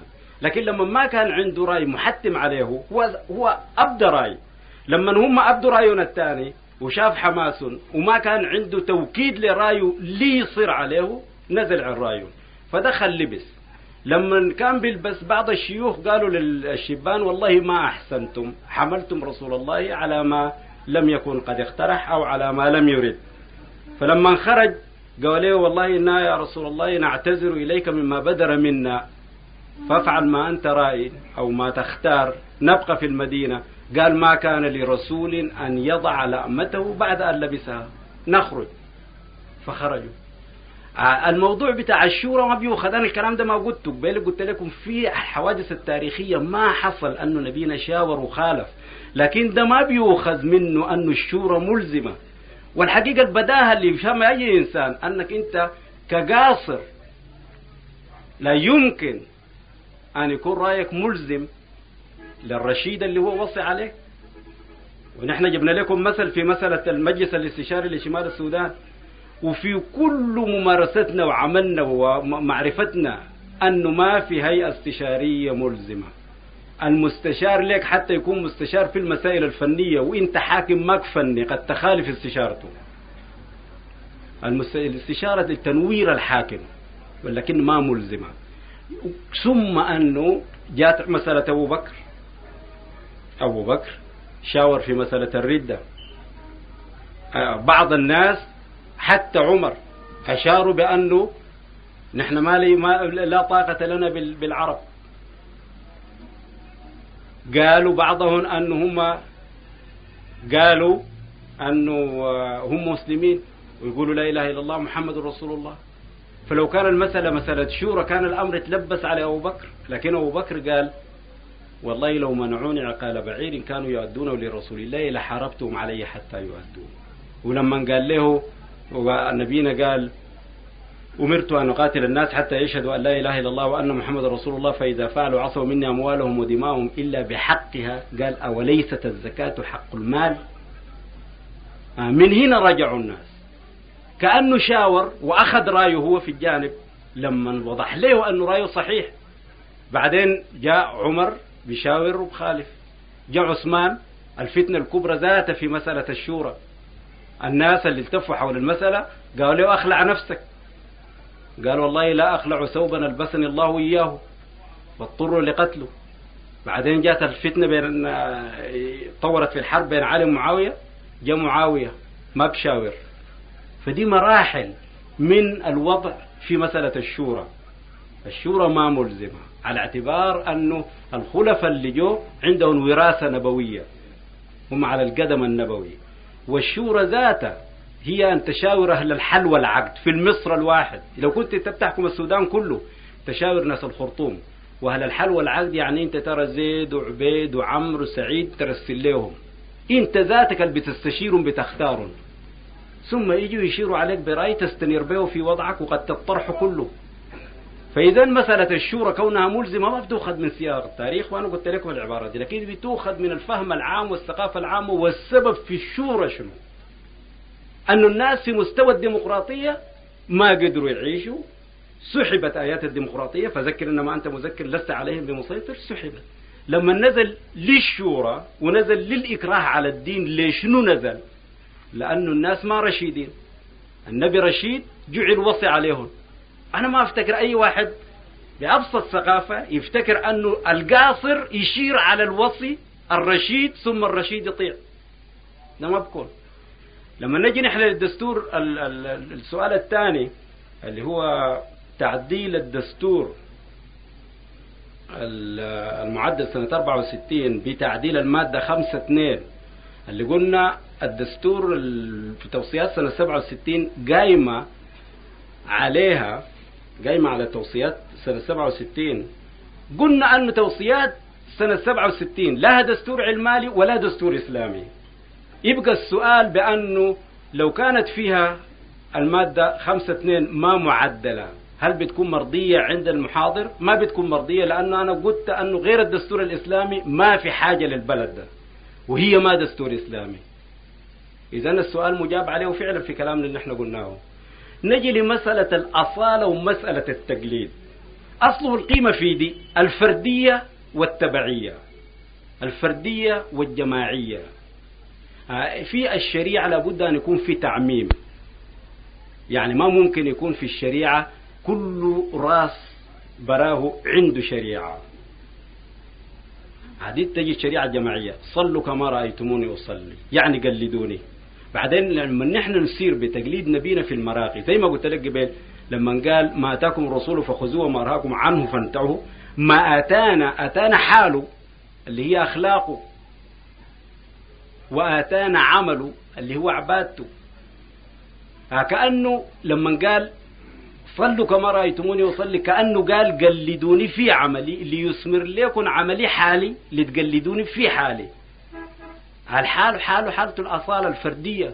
لأنه أصل الشريعة وسيلة للحقيقة والحقيقة مقام فردية. يعني يا أيها الإنسان إنك كادح إلى ربك كدحا فملاقيه. يعني ملاقاة الله لو نحن فهمناها مش بنمشي له في السماء ولا في الأرض ولا في مكة. ملاقاتنا له بأن تقرب صفاتنا من صفاته. دي ملاقات لأنه الله في قلوبنا ولا في السماء ولا في الأرض. قال ما وسعني أرضي ولا سماي وإنما وسعني قلب عبد المؤمن. فلما تلاقي الله في نفسك انت حققت فرديتك. هنا الأصالة أصل في التكليف الأصلي هو الأصالة والتكليف الفرعي هو التقليد. والتقليد ما هو غاية في ذاته؟ التقليد وسيلة للأصالة. وأنا أفتكر أنه أي واحد مننا برضه في الثقافة العامة يفهم أنه المقلد والأصيل مش في مستوى واحد. الشاعر المقلد مثلا لا يمكن أن يكون زي الشاعر الأصيل الفنان المقلد العارف المقلد الإنسان ساهي الشخصية المقلدة ممحوة في الشخصية المقلدة ولا يمكن أنت أن تقول أن المقلد والأصيل في مستوى واحد. إذا كان المقلد أنقص من الأصيل يبقى يجيك السؤال هل ديننا بوصل للأصالة ولا بقصر دون اللي يجعلنا مقلدين سرمدا؟ إذا كان ديننا بوصل للأصالة يبقى كلامنا نحن عن الأصالة حق. يبقى كيف بتكون الأصالة؟ الأصالة دي هي السر اللي بيكون بين العبد وربه في ممارسته لعبادته. لكن انت الحاجة اللي تسأل منها كيف تصل للأصالة؟ قلد بإتقان. إذا كان قلدت نبينا بإتقان في عمله تصل لأن تكون كحاله. تتلقى من الله. تتلقى من الله بلا واسطة بفضل تبليغه هو. لما جاء المقام بتاع الفردية في في الصلاة كان جبريل ماشي قدامه باستمرار يفتح السماء الأولى والسماء الثانية لغاية ما جاء في سدرة المنتهى. جبريل وقف. ففي الحديث في المعراج قال له تقدم. هذا مكان يترك فيه الخليل خليله؟ قال جبريل هذا مقامي ولو تقدمت خطوة لاحترق فسقطت الواسطة هنا. بدأ الشهود الذاتي. نبينا يسوق كل واحد مننا للمقام ده ويقول لها أنت وربه كل واحد يبرز إلى مقام فرديته ويعطى شريعته الفردية بلا واسطة. أنت عايز تصل للحكاية دي؟ قلد بإتقان. ومعنى التقليد بإتقان أجعل صلاتك معراج. مش تقول أنا قال لي بصلي صلي وهو بصلي. إذا كان صلاتك تصلي ركعتين أنت بعد الركعتين ماك أحسن رضا بالله منك قبل الركعتين ما صليت. إذا كان عملت صلاتك وسيلة للقرب من الله والرضا به كل مرة بترتقي درجة. بتجي أنت بعدين تعرف هل أنت في مقام التقليد باستمرار ولا بتجيك أصالتك. لكن قبل ما تجيك أصالتك أستمر في التقليد وأعرف أنه التقليد وسيلة. وأنه ما بكون وسيلة صحيحة إلا إذا كان كل يوم نقلك درجة لأنه معراج والمعراج السلم. أنت هسه طالع للمالية بتعرف أنك لابد أن تخط رجلك في الدرجة الأولى والثانية والثالثة والرابعة. ما بتجي في درجة وتقيف. البداهة دي نحن في الصلاة ما عندنا. الصلاة معراج معناها سلم طالع بيك لله للصلة. إذا كان أنت أتقنت التقليد بالصورة دي بيجيك المرحلة اللي تعرف فيها 200 تكون صاحب أصالة وصلاتك أصالتك بتكون كيف؟ والسؤال حقه يكون في الاتجاه العملي ده. أما الأصالة اللي الناس بيصلوها شكلها كيف؟ ده حاجة يمكن أنت تفهم ما دون في شرحنا ده ولا تفهمها هي. هل في الماضي حصل؟ ده سؤاله برضه هل في الماضي حصل أنه ناس يعني وصلوا الأصالة؟ في في في أوقات كثيرة الناس يتكلموا لكن ما تكلموا بالصورة اللي إحنا بنتكلم بها. يعني مثلا الناس اللي قالوا وفي طنطا قالوا صلاتي تركتها ولم يعلموا أني أصلي بمكة. هنا أنتوا تسمعوا قالوا يقولوا مثلا فلان بيصلي في مكة. العامة يفتكروا أنه هو بطيري مش في مكة بيصلي ويجي. هم قالوا في المعاريض مندوحة عن الكذب. هو قال أنه بصلي في مكة. هو من جانبه صح. مش بالتفصيل اللي عند ذهن السامع. لكنه ما هو كاذب حتى عند السامع لأنه عرض بقضية. ده يفتكر أنه بصلي في مكة انتهت المسألة. لكن حقيقته أنه هو لما يصل لمقام الفردية بيجد الله في نفسه. ده مقام الفردية معناه ولما يكون التوحيد صفتك بتشوف الواحد بالتوحيد. الله ما بيرى بعيني الرأس لا تدركه الأبصار وهو يدرك الأبصار. لكن إذا إذا التوحيد حقق لك الوحدة مش بقيت صاحب عينين أصبح زي الحكاية اللي حصلت لنبينا أصبح وحدة زي ما قال عنه ما زاغ البصر وما طغى. بالوحدة يرى الواحد. في الوقت ذاك أنت تعرف مكتك هي شنو. لكن هم لما قالوا المسألة دي وما ذهبوا في في الشرح فيها أسكتوا ألسنة الناس. نحن لأننا دعاة الفكر الإسلامي لقمته ليصل للمرحلة اللي ما بيجار فيها. أصبحنا بنعرض رأينا على الناس. الشوشرة دي كلها قايمة لأن نحن لابد أن نكون واضحين. يعني نحن ما بيغنينا أن نقول مثلا أن نستر حالنا وأن نقول أنا بصلي في مكة مثلا أو أن ندس المسألة دي من الناس. نحن واجهنا بها الناس لأنه فعلا الإسلام لولا, لولا أنه بيرتفع إلى مقام الفردية بحقق الفردية الناضجة ما بكون عنده امتياز واضح على الفلسفات الأخرى. لو انت قلت الإسلام اشتراكي الاشتراكية فيه لو قلت الإسلام ديمقراطي الديمقراطية فيه لكن بتنقطع حيل الناس لما تجي للقمه في انه الإسلام بحقق الفردية المطلقة. والعبارة في تحقق الفردية المطلقة تخلقوا بأخلاق الله. تخلقوا بأخلاق الله أو الكلام القبيل قلناه تقريب صفات العبد من صفات الرب اللي فيها الوحدانية اللي فيها ليس كمثله شيء. دي كلها صفات اتصف بها العبد لما يحقق التوحيد.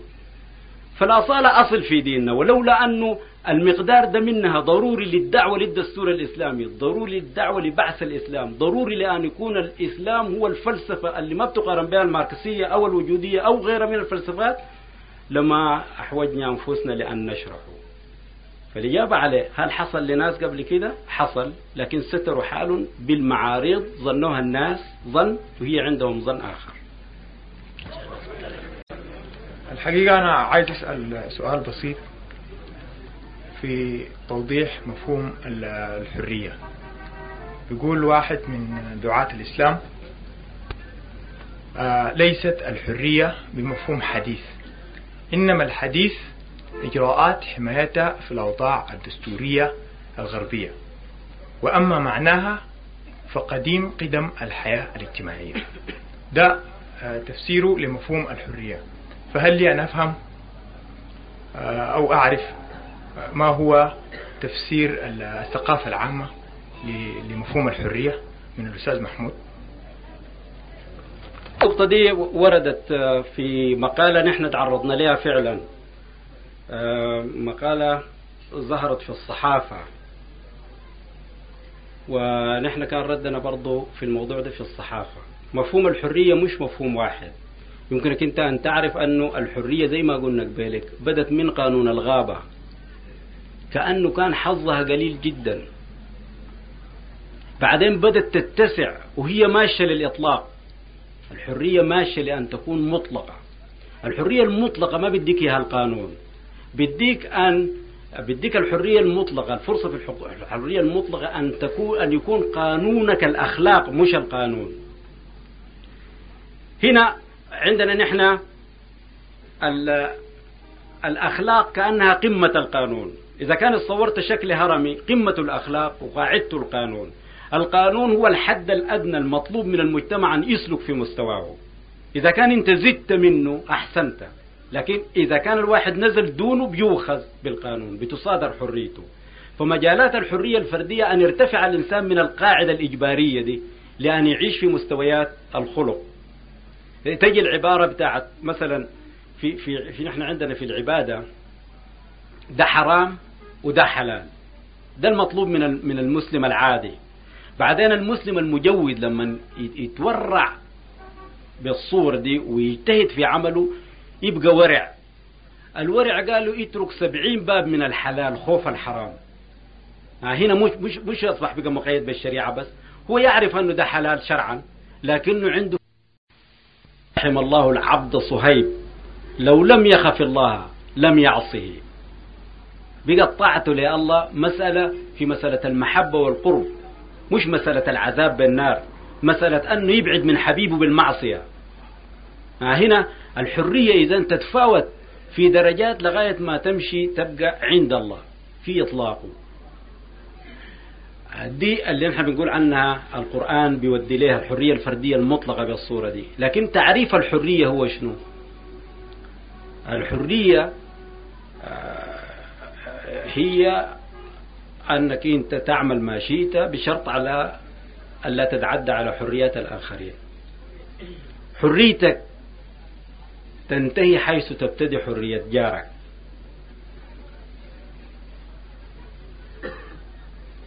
يعني زي زي مثلا أنا عندي فرصة هسه عمد ايدي على مداها. لأنه ما عندي جار هنا. حريتي عندها طلاقة بالصورة دي. لكن أنت جارك جنبك ده لو مديت إيدك بالصورة دي تضرب. ويبقى حريتك تنتهي هنا. حريتك تنتهي حيث تبتدي حرية جارك. ده التعريف عنها. بعدين التعريف ال- الإسلامي لها. التعريف الإسلامي ل- للحرية. أنه هي أو دي تجي من التوحيد. الحر هو الذي يفكر كما يريد ويقول كما يفكر ويعمل كما يقول على شرط أنه عمله لا يتعدى على حريات الغير. ده الشرط. قيد الحرية هو القانون الدستوري اللي هو أنك أنت تمارس ما شئت من العمل بشرط أنه عملك ما يضر غيرك. بعدين ده في مستوى الشريعة في الحقيقة وده في قمة. في تفكير الإسلام اللي نحن بنتكلم عنه هسه في معناه ده هو مقيد. مقيد لكن مقيد بالقانون. والقانون في الإسلام بيشترط فيه أن يكون قانون دستوري. والقانون الدستوري عندهم هو القانون اللي ما بيهدر حق الفرد في سبيل الجماعة ولا يدي الجماعة حق على حساب الفرد ينسق بين الاثنين. وده في الحقيقة كمال الإسلام بالصورة دي. كل كل ال- ال- ال- القوانين الثانية تعجز عن التنسيق بين الفرد والجماعة. القانون الدستوري في الإسلام هو القانون ال بينسق بين حق الفرد وحق الجماعة. لا يهدر حق الفرد في سبيل الجماعة ولا يضحي بحق الجماعة في سبيل الفرد. ومثال له الحدود مثال له القصاص دي أمثلة ظاهرة لكن كل شريعته بالصورة دي. هذه الحرية في المستوى ده حرية مقيدة بالقانون الدستوري ده يشترط فيه. لكن يمكنك أن تسير للحرية المطلقة. بأن تتربى بالصورة اللي ترتفع فوق مناولة القانون فوق مستوى القانون. يبقى برضه الحر الحرية فردية مطلقة هو الحر الذي يفكر كما يريد ويقول كما يفكر ويعمل كما يقول على شرط أن عمله لا ينتج منه إلا الخير والبر بالناس. لأنه هو متسامي موكل بالبر والخير بالناس. زي مثلا ينفقون آه، زي يؤثرون على أنفسهم ولو كان بهم خصاصة آه، الشريعة في الزكاة. اللي بيجحد الزكاة؟ في حد الشريعة يتعدى على حريات الغير يتعدى على حرية الفقير. لأنه الزكاة في مال الغني ما حق الغني حق الفقير. اللي بيمنع الزكاة؟ يبقى تعدى على حرية الفقير. لكن اللي بينفق زيادة يؤثرون على أنفسهم ولو كان بهم خصاصة؟ مش يتقيد بالشريعة يرتفع لمستويات الأخلاق لأنه عايز ما عند الله. هذا كسب حريته بأخلاقه. أو ال- الحرية في الإسلام بتجي في الوحدة في الوحدة وحدة البنية الفكر والقول والعمل. لأنه ربنا يقول يا أيها الذين آمنوا لم تقولون ما لا تفعلون؟ كبر مقتا عند الله أن تقولوا ما لا تفعلون. يبقى في آخر الأمر الحر هو الما منقسم على نفسه مش المنافق. يفكر بحاجة ويقول حاجة ويعمل ثالثة. هذا صورة المنافق. المف... ال- الحر هو اللي أحدث الوحدة في بنيته وحدة الفكر وحدة القول وحدة العمل. وده تلقاه يتحرر من الطمع ومن الخوف ما عنده توجه إلا لله. فالحرية إذا لا يمكن أن تكون مفهوم واحد. وفي الحقيقة اللي تطور حتى لما لما وسائل حمايتها في التشريع الغربي جدت معناه الحرية جدت. شوف شوف شوف مسألتنا نحن. في الديمقراطية اللي مارسناها. كان في دستورنا الأولاني بعض الناس قالوا قانون الانتخابات حقه يقوم على أنه ناس المدينة لهم امتياز على ناس الريف لأنه الاستغلال ده في الحقيقة جابوه الناس الواعيين والزول الواعي ما يمكن يكون زي الإنسان العادي. ثم أنهم هم أصحاب المصلحة الحقيقية في البلد ده. فيبقى الدائرة في المدينة تكون زي 30 ألف والدائرة في الريف تكون 60 أو 70 ألف. الانتخابات مشت بالصورة دي في الانتخابات الأولى. كأنه في وصاية من زول المدينة على زول الريف. كأنه عندنا نايبين في المدينة مقابل نايب في الريف. كأنه بتاع الريف على النص من بتاع المدينة. بعدين جات لي قدام بعد ثورة أكتوبر قيل وقبل ثورة أكتوبر الحقيقة في الانتخابات الثانية بتاعت سنة 57 جاء أنه كل مواطن له صوت سواء كان في الريف أو في المدينة. اتسعت قاعدة الحرية بالصورة دي. لأنه ناس المدينة إذا جعلوا أوصية على ناس الريف بتلقاهم اتجهوا لتعمير المدن وتخريب الأرياف. ما ممكن يكونوا أوصية رشيدين على ناس الريف. وحيث دخلت الوصاية في الديمقراطية تلقى في نقص. فتوسيع القاعدة أحسن. في ضرر. لما أنت تساوي الم- الم- الما عارف في المعنى المدني. الما عارف بالعارف في ضرر لكن الضرر أكبر لما تجعل الإنسان ال- في المدينة أو المتعلم وصي على الجاهل لأنه ما بينصفه. فاتسعت قاعدة ال- ال- ال- الحرية بالصورة اللي قالوا كل مواطن له حق. جات ثورة أكتوبر. ثورة أكتوبر جابوها جاب الشعب كله. دور النساء كان فيها بارز دور الطلبة كان فيها بارز. جات القاعدة توسعت لسه قالوا كل مواطن ومواطنة بلغ من العمر 18 سنة له الحق. مواطن ومواطنة. لأول مرة دخلت المواطنة ولأول مرة انخفضت سن الحق في الانتخاب من 21 ل 18 هذا في في حياتنا نحن القصيرة بتتطور وبتتغير. يبقى أن يقول واحد مفهوم الحرية شيء واحد يبقى خطأه كبير جدا. فالحرية إذا على التعريفات اللي نحن قلناها وباستمرار تتغير. باستمرار تتغير. بسم الله الرحمن الرحيم. تعرض الأستاذ آه، لبعض النقاط واستفسر بعض الإخوان عن بعضها وأود أن أسأل الأستاذ عن بعض المصطلحات التي وردت في كلامه. و آه، سأبدأ من أوله وهو الحرية التي آه، ضمنها في كلامه من ضمن آه، يعني من ضمن كلامه إنه يجوز انه تكون مثلا في حرية. واستورد و آه، أثبت هذا ب في طبعا ده يعني في في مفهومه في مفهوم الأستاذ إنه آه، الآيات تثبتها مثلا ولكن آه، الإسلام لا يوجد شيء اسمه حرية بل إن الإسلام يأتي من الله سبحانه وتعالى إلى الناس ليطبقوه. والله سبحانه وتعالى يقول ومن يتعدى حدود الله فقد ظلم نفسه. والله سبحانه وتعالى يقول آه، ما أتاكم الرسول فخذوه وما ينهاكم عنه فانتهوا. فالإنسان يجب أن يتقيد بالحكم الإسلامي تقيدا تاما. وهذا آه، يتعارض مع مفهوم الحرية الذي آه، يوجد الآن. والحرية معناها أن الإنسان لا يكون له أي حاجز. ورغم أنه ده ما موجود طبعا في العالم ولكن هم يعني بقدر المستطاع بيعطوا حرية الملكية حرية الحرية الشخصية حرية الرأي.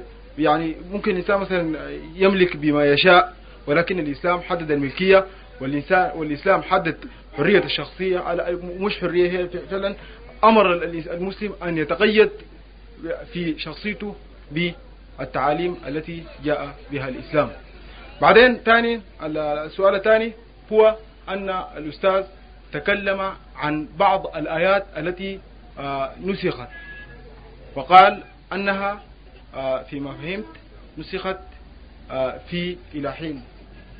ولكن الأستاذ أود أن أسأله بأن مثلا الآية المنسوخة يعني فيما- فهمت إنها يعني يستطيع أن يحكم بها أو حي بشكل ذي. فكيف مثلا يكون مثلا آيات الخمرة التي نسخت. ثانيا آه، تعرض الأستاذ للديمقراطية والاشتراكية. وقال أن آه، الإسلام يحتوي على آه، الاثنين أو حي بالشكل ده يعني دعا الإسلام بأنه مركب يعني من حياة حياة الدين. ولكن أقول بأن الإسلام دين منه الدولة ومبدأ فريد أتى به آه، أنزله الله سبحانه وتعالى على رسوله ليبينه للناس ليعملوا به وليعتقدوا ولتكون أفكارهم ومشاعرهم وأنظمتهم ليلتئم المجتمع كله ويتوحد على أساس فكر واحد اللي هو الإسلام. والإسلام هذا مبدأ فريد لا يساويه ولا يدانيه أي مبدأ آخر ولا ي- يمت أي مبدأ آخر إليه بأي صلة. فالإسلام هذا مبدأ نقيا لا نستطيع أن نسمي المصطلحات الموجودة الآن آه، ديمقراطية أو اشتراكية.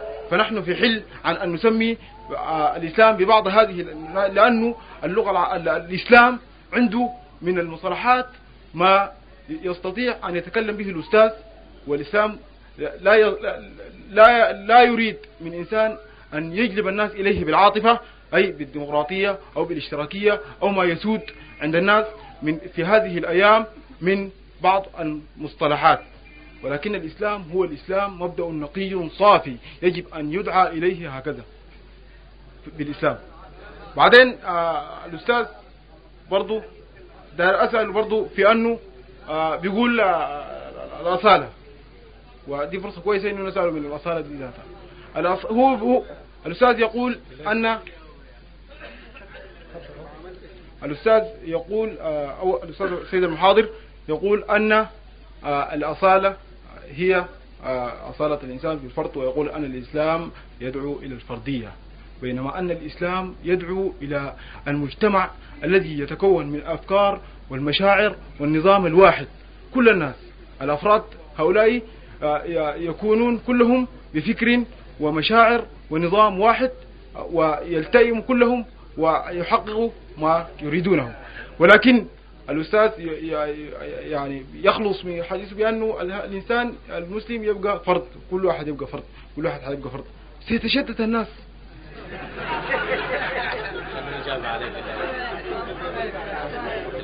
دقيقة. بعدين آه ثانيا ثانيا إذا كان مثلا الأصالة هو يجر الناس إلى الأصالة. فكيف سيكون الجمهوريين؟ الجمهوريين دول يقلدوا يقلدوا المحاضر. جمهوريين يقلدوا المحاضر لأن لأنهم يسيرون على مبدئه وعلى نظامه أو على ما يعتقد هو. هم لا لا يتأصلوا إذن. وكيف يتأصلوا؟ ثاني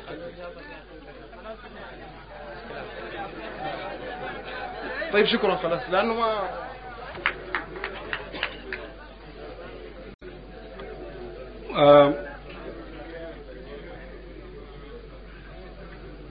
واحد أنه الجمهوريين ما بقلدوا إلا النبي. وده في كتيب هنا له زمن طويل جدا طريق محمد. بتقليد محمد تتوحد الأمة ويتجدد دينها. ما في مقلد ما في أسوة قدوة باب. إلا النبي لأنه اسم قرن بالشهادة. لا إله إلا الله محمد رسول الله. دي دعوة الجمهورية حكاية أنه الإسلام بيدعو إلى الفردية. الناس بيتفرقوا قال الإسلام بيدعو إلى الفردية بآيات نحن قلناها. ليه الناس يتكلموا عن الدين بالصورة دي ويدوا نفسهم الحرية في أن يتكلموا ثم هم ما يفهمون الإسلام قال ونرثه ما يقول ويأتينا فردا. دي مش الفردية. لقد جئتمونا فرادا كما خلقناكم أول مرة. إن كل من في السماوات والأرض إلا آتي الرحمن عبدا لقد أحصاهم وعدهم عدا وكلهم آتي يوم القيامة فردا. الأفراد ديل ما بيتفرقوا لأنهم عقول كبيرة مش عقول صغيرة. الأفراد الناس لو كان عقول كبرت ما في داعي لأن يتعادوا. الناس لو عقول كبرت بيفهموا بيكونوا فعلا قريبين قلوب على بعض وعقول على بعض. الناس بيتفرقوا لما بيفهموا الحقائق كل واحد بجانبه يتنازعوا كل حزب بما لديهم فرحون زي حالتنا الحاضرة. لكن الحقيقة واحدة. لو العقول كبرت وأدركت الحقيقة واحدة ما بتتفرق. إدراك للحقيقة إدراك كل عقل للحقيقة براه دي فرديته. وكون الحقيقة واحدة ما بيتفرقوا لأنها بتجمعه ومسألة الناسخ والمنسوخ اللي انت اعترضت عليه. الناسخ والمنسوخ اللي انت اعترضت عليه بيجي من انه آيات الخمر ما فيها ناسخ. آيات الخمر مش ناسخ ومنسوخ مدرج الأربع مراحل اللي وصلت وصلت للتحريم تدرج للتحريم. وده يفهم منه سر في التشريع ذاته أنه الخمرة حدها في تدرج الطويل ده مش في مستوى الحدود الثانية من الزنا والقذف وقطع الطريق والسرقة. نحن عندنا أربع حدود يرجعوا لحدين في الأصل. الزنا والقذف يرجعوا للعرض والسرقة وقطع الطريق يرجعوا للمال. بعيد منهن بعدين ببعيد يجي مسألة الخمرة. ولذلك ما عندها حد معروف. حد الخمر كان الشارب يجي والنبي يقول اضربوه. يضربوه بأطراف الثياب ويضربوه بالنعلات. في الآخر جو قدروها قالوا ضرب أربعين. لما جاء زمن سيدنا عمر قال لسيدنا علي الناس مردوا على الخمرة لو أحدثنا لهم شيء أكثر شوية ليردعون جلدوه 80 هذا جذاته من الفهم ده أنه حد الخمر مش فهم مش حد موكد زي السرقة وقطع الطريق زي ما قلنا وده جاء من أنه الآيات تدرجت. آية الخمر ما فيها ناسخ ومنسوخ. ونحن سقنا الآيات الناسخ والمنسوخ. سقناها بصورة محددة. فمواجهتها كانت تكون أفضل. إذا كنت أنت بتناقش عن فهم للموضوع ده قول الآية اللي أنتوا قلتوها في كده ما منسوخة أو ما ممكن أن تنسخ. حتى نحن قلنا كلام عام أنه أفضل ما في القرآن نسخ بما هو دونه. قلنا الآيات الأصلية نسخت بالفرعية. فيبقى كونها تنبعث لتكون الآيات المنسوخة هي صاحبة الوقت ده أصل التفكير الإسلامي. ما أفتكر أنه في حاجة كثيرة أنت قلتها لكن في تخرصات كثيرة وردت في موضوع سؤالك. السلام عليكم. ذكر الأستاذ في صدر محاضرته بأن لا ديمقراطية في التشريع الإسلامي. فهل له أن يأتينا بالآراء التي تساند رأيه؟ شكرا. ال ال الآيات البساند الرايدة أنه الشريعة قامت زي ما قلنا على مستوى الفروع وفي الفروع في الإكراه. الإكراه ناسخ للا إكراه في الدين. لا إكراه في الدين قد تبين الرشد من الغي ده مستوى الديمقراطية. بعدين لما قال أمرت أن أقاتل الناس حتى يشهدوا أن لا إله إلا الله وأن محمد رسول الله فإذا فعلوا عصوا مني أموالهم ودماءهم إلا بحقها وده قالوا انبثاق من آيات الإكراه جاء الوقت اللي فيه حكم الوصاية وحكم الإكراه. مع الوصاية ما في ديمقراطية. مع الشورى ما في ديمقراطية لأنه الشورى المشاور بيملك حق المخالفة. مسألة الحرية. في ناس يقولوا أنه الإسلام مو دين حرية. الإسلام ما فيه حرية.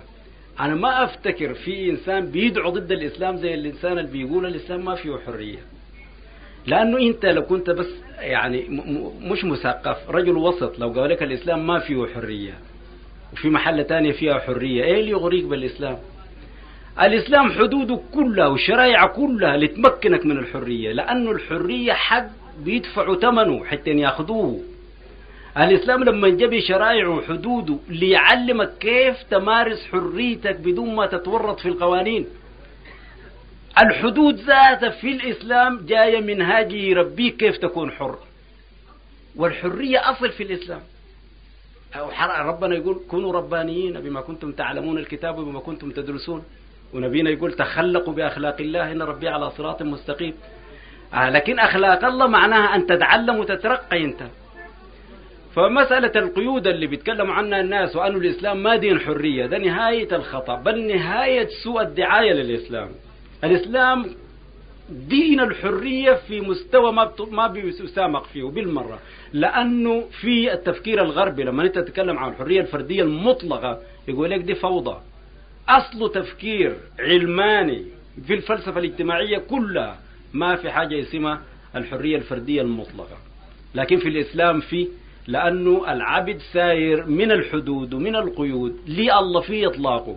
كل ما عرف كل ما انفسحت له المجالات ليستمتع بحريته لأنه ما بتورط في القوانين اللي بالصادر الحرية. كونوا ربانيين بما كنتم تعلمون الكتاب بما كنتم تدرسون يعني تخلقوا بأخلاق الله وأخلاق الله حرية لغير حد ولغير قيد. لكن الحرية عندها ثمن تدفع وإلا تبقى فوضى. ثمن حسن التصرف فيها. الحدود والعبادات كلها جات لتربيك لتحسن التصرف في الحرية.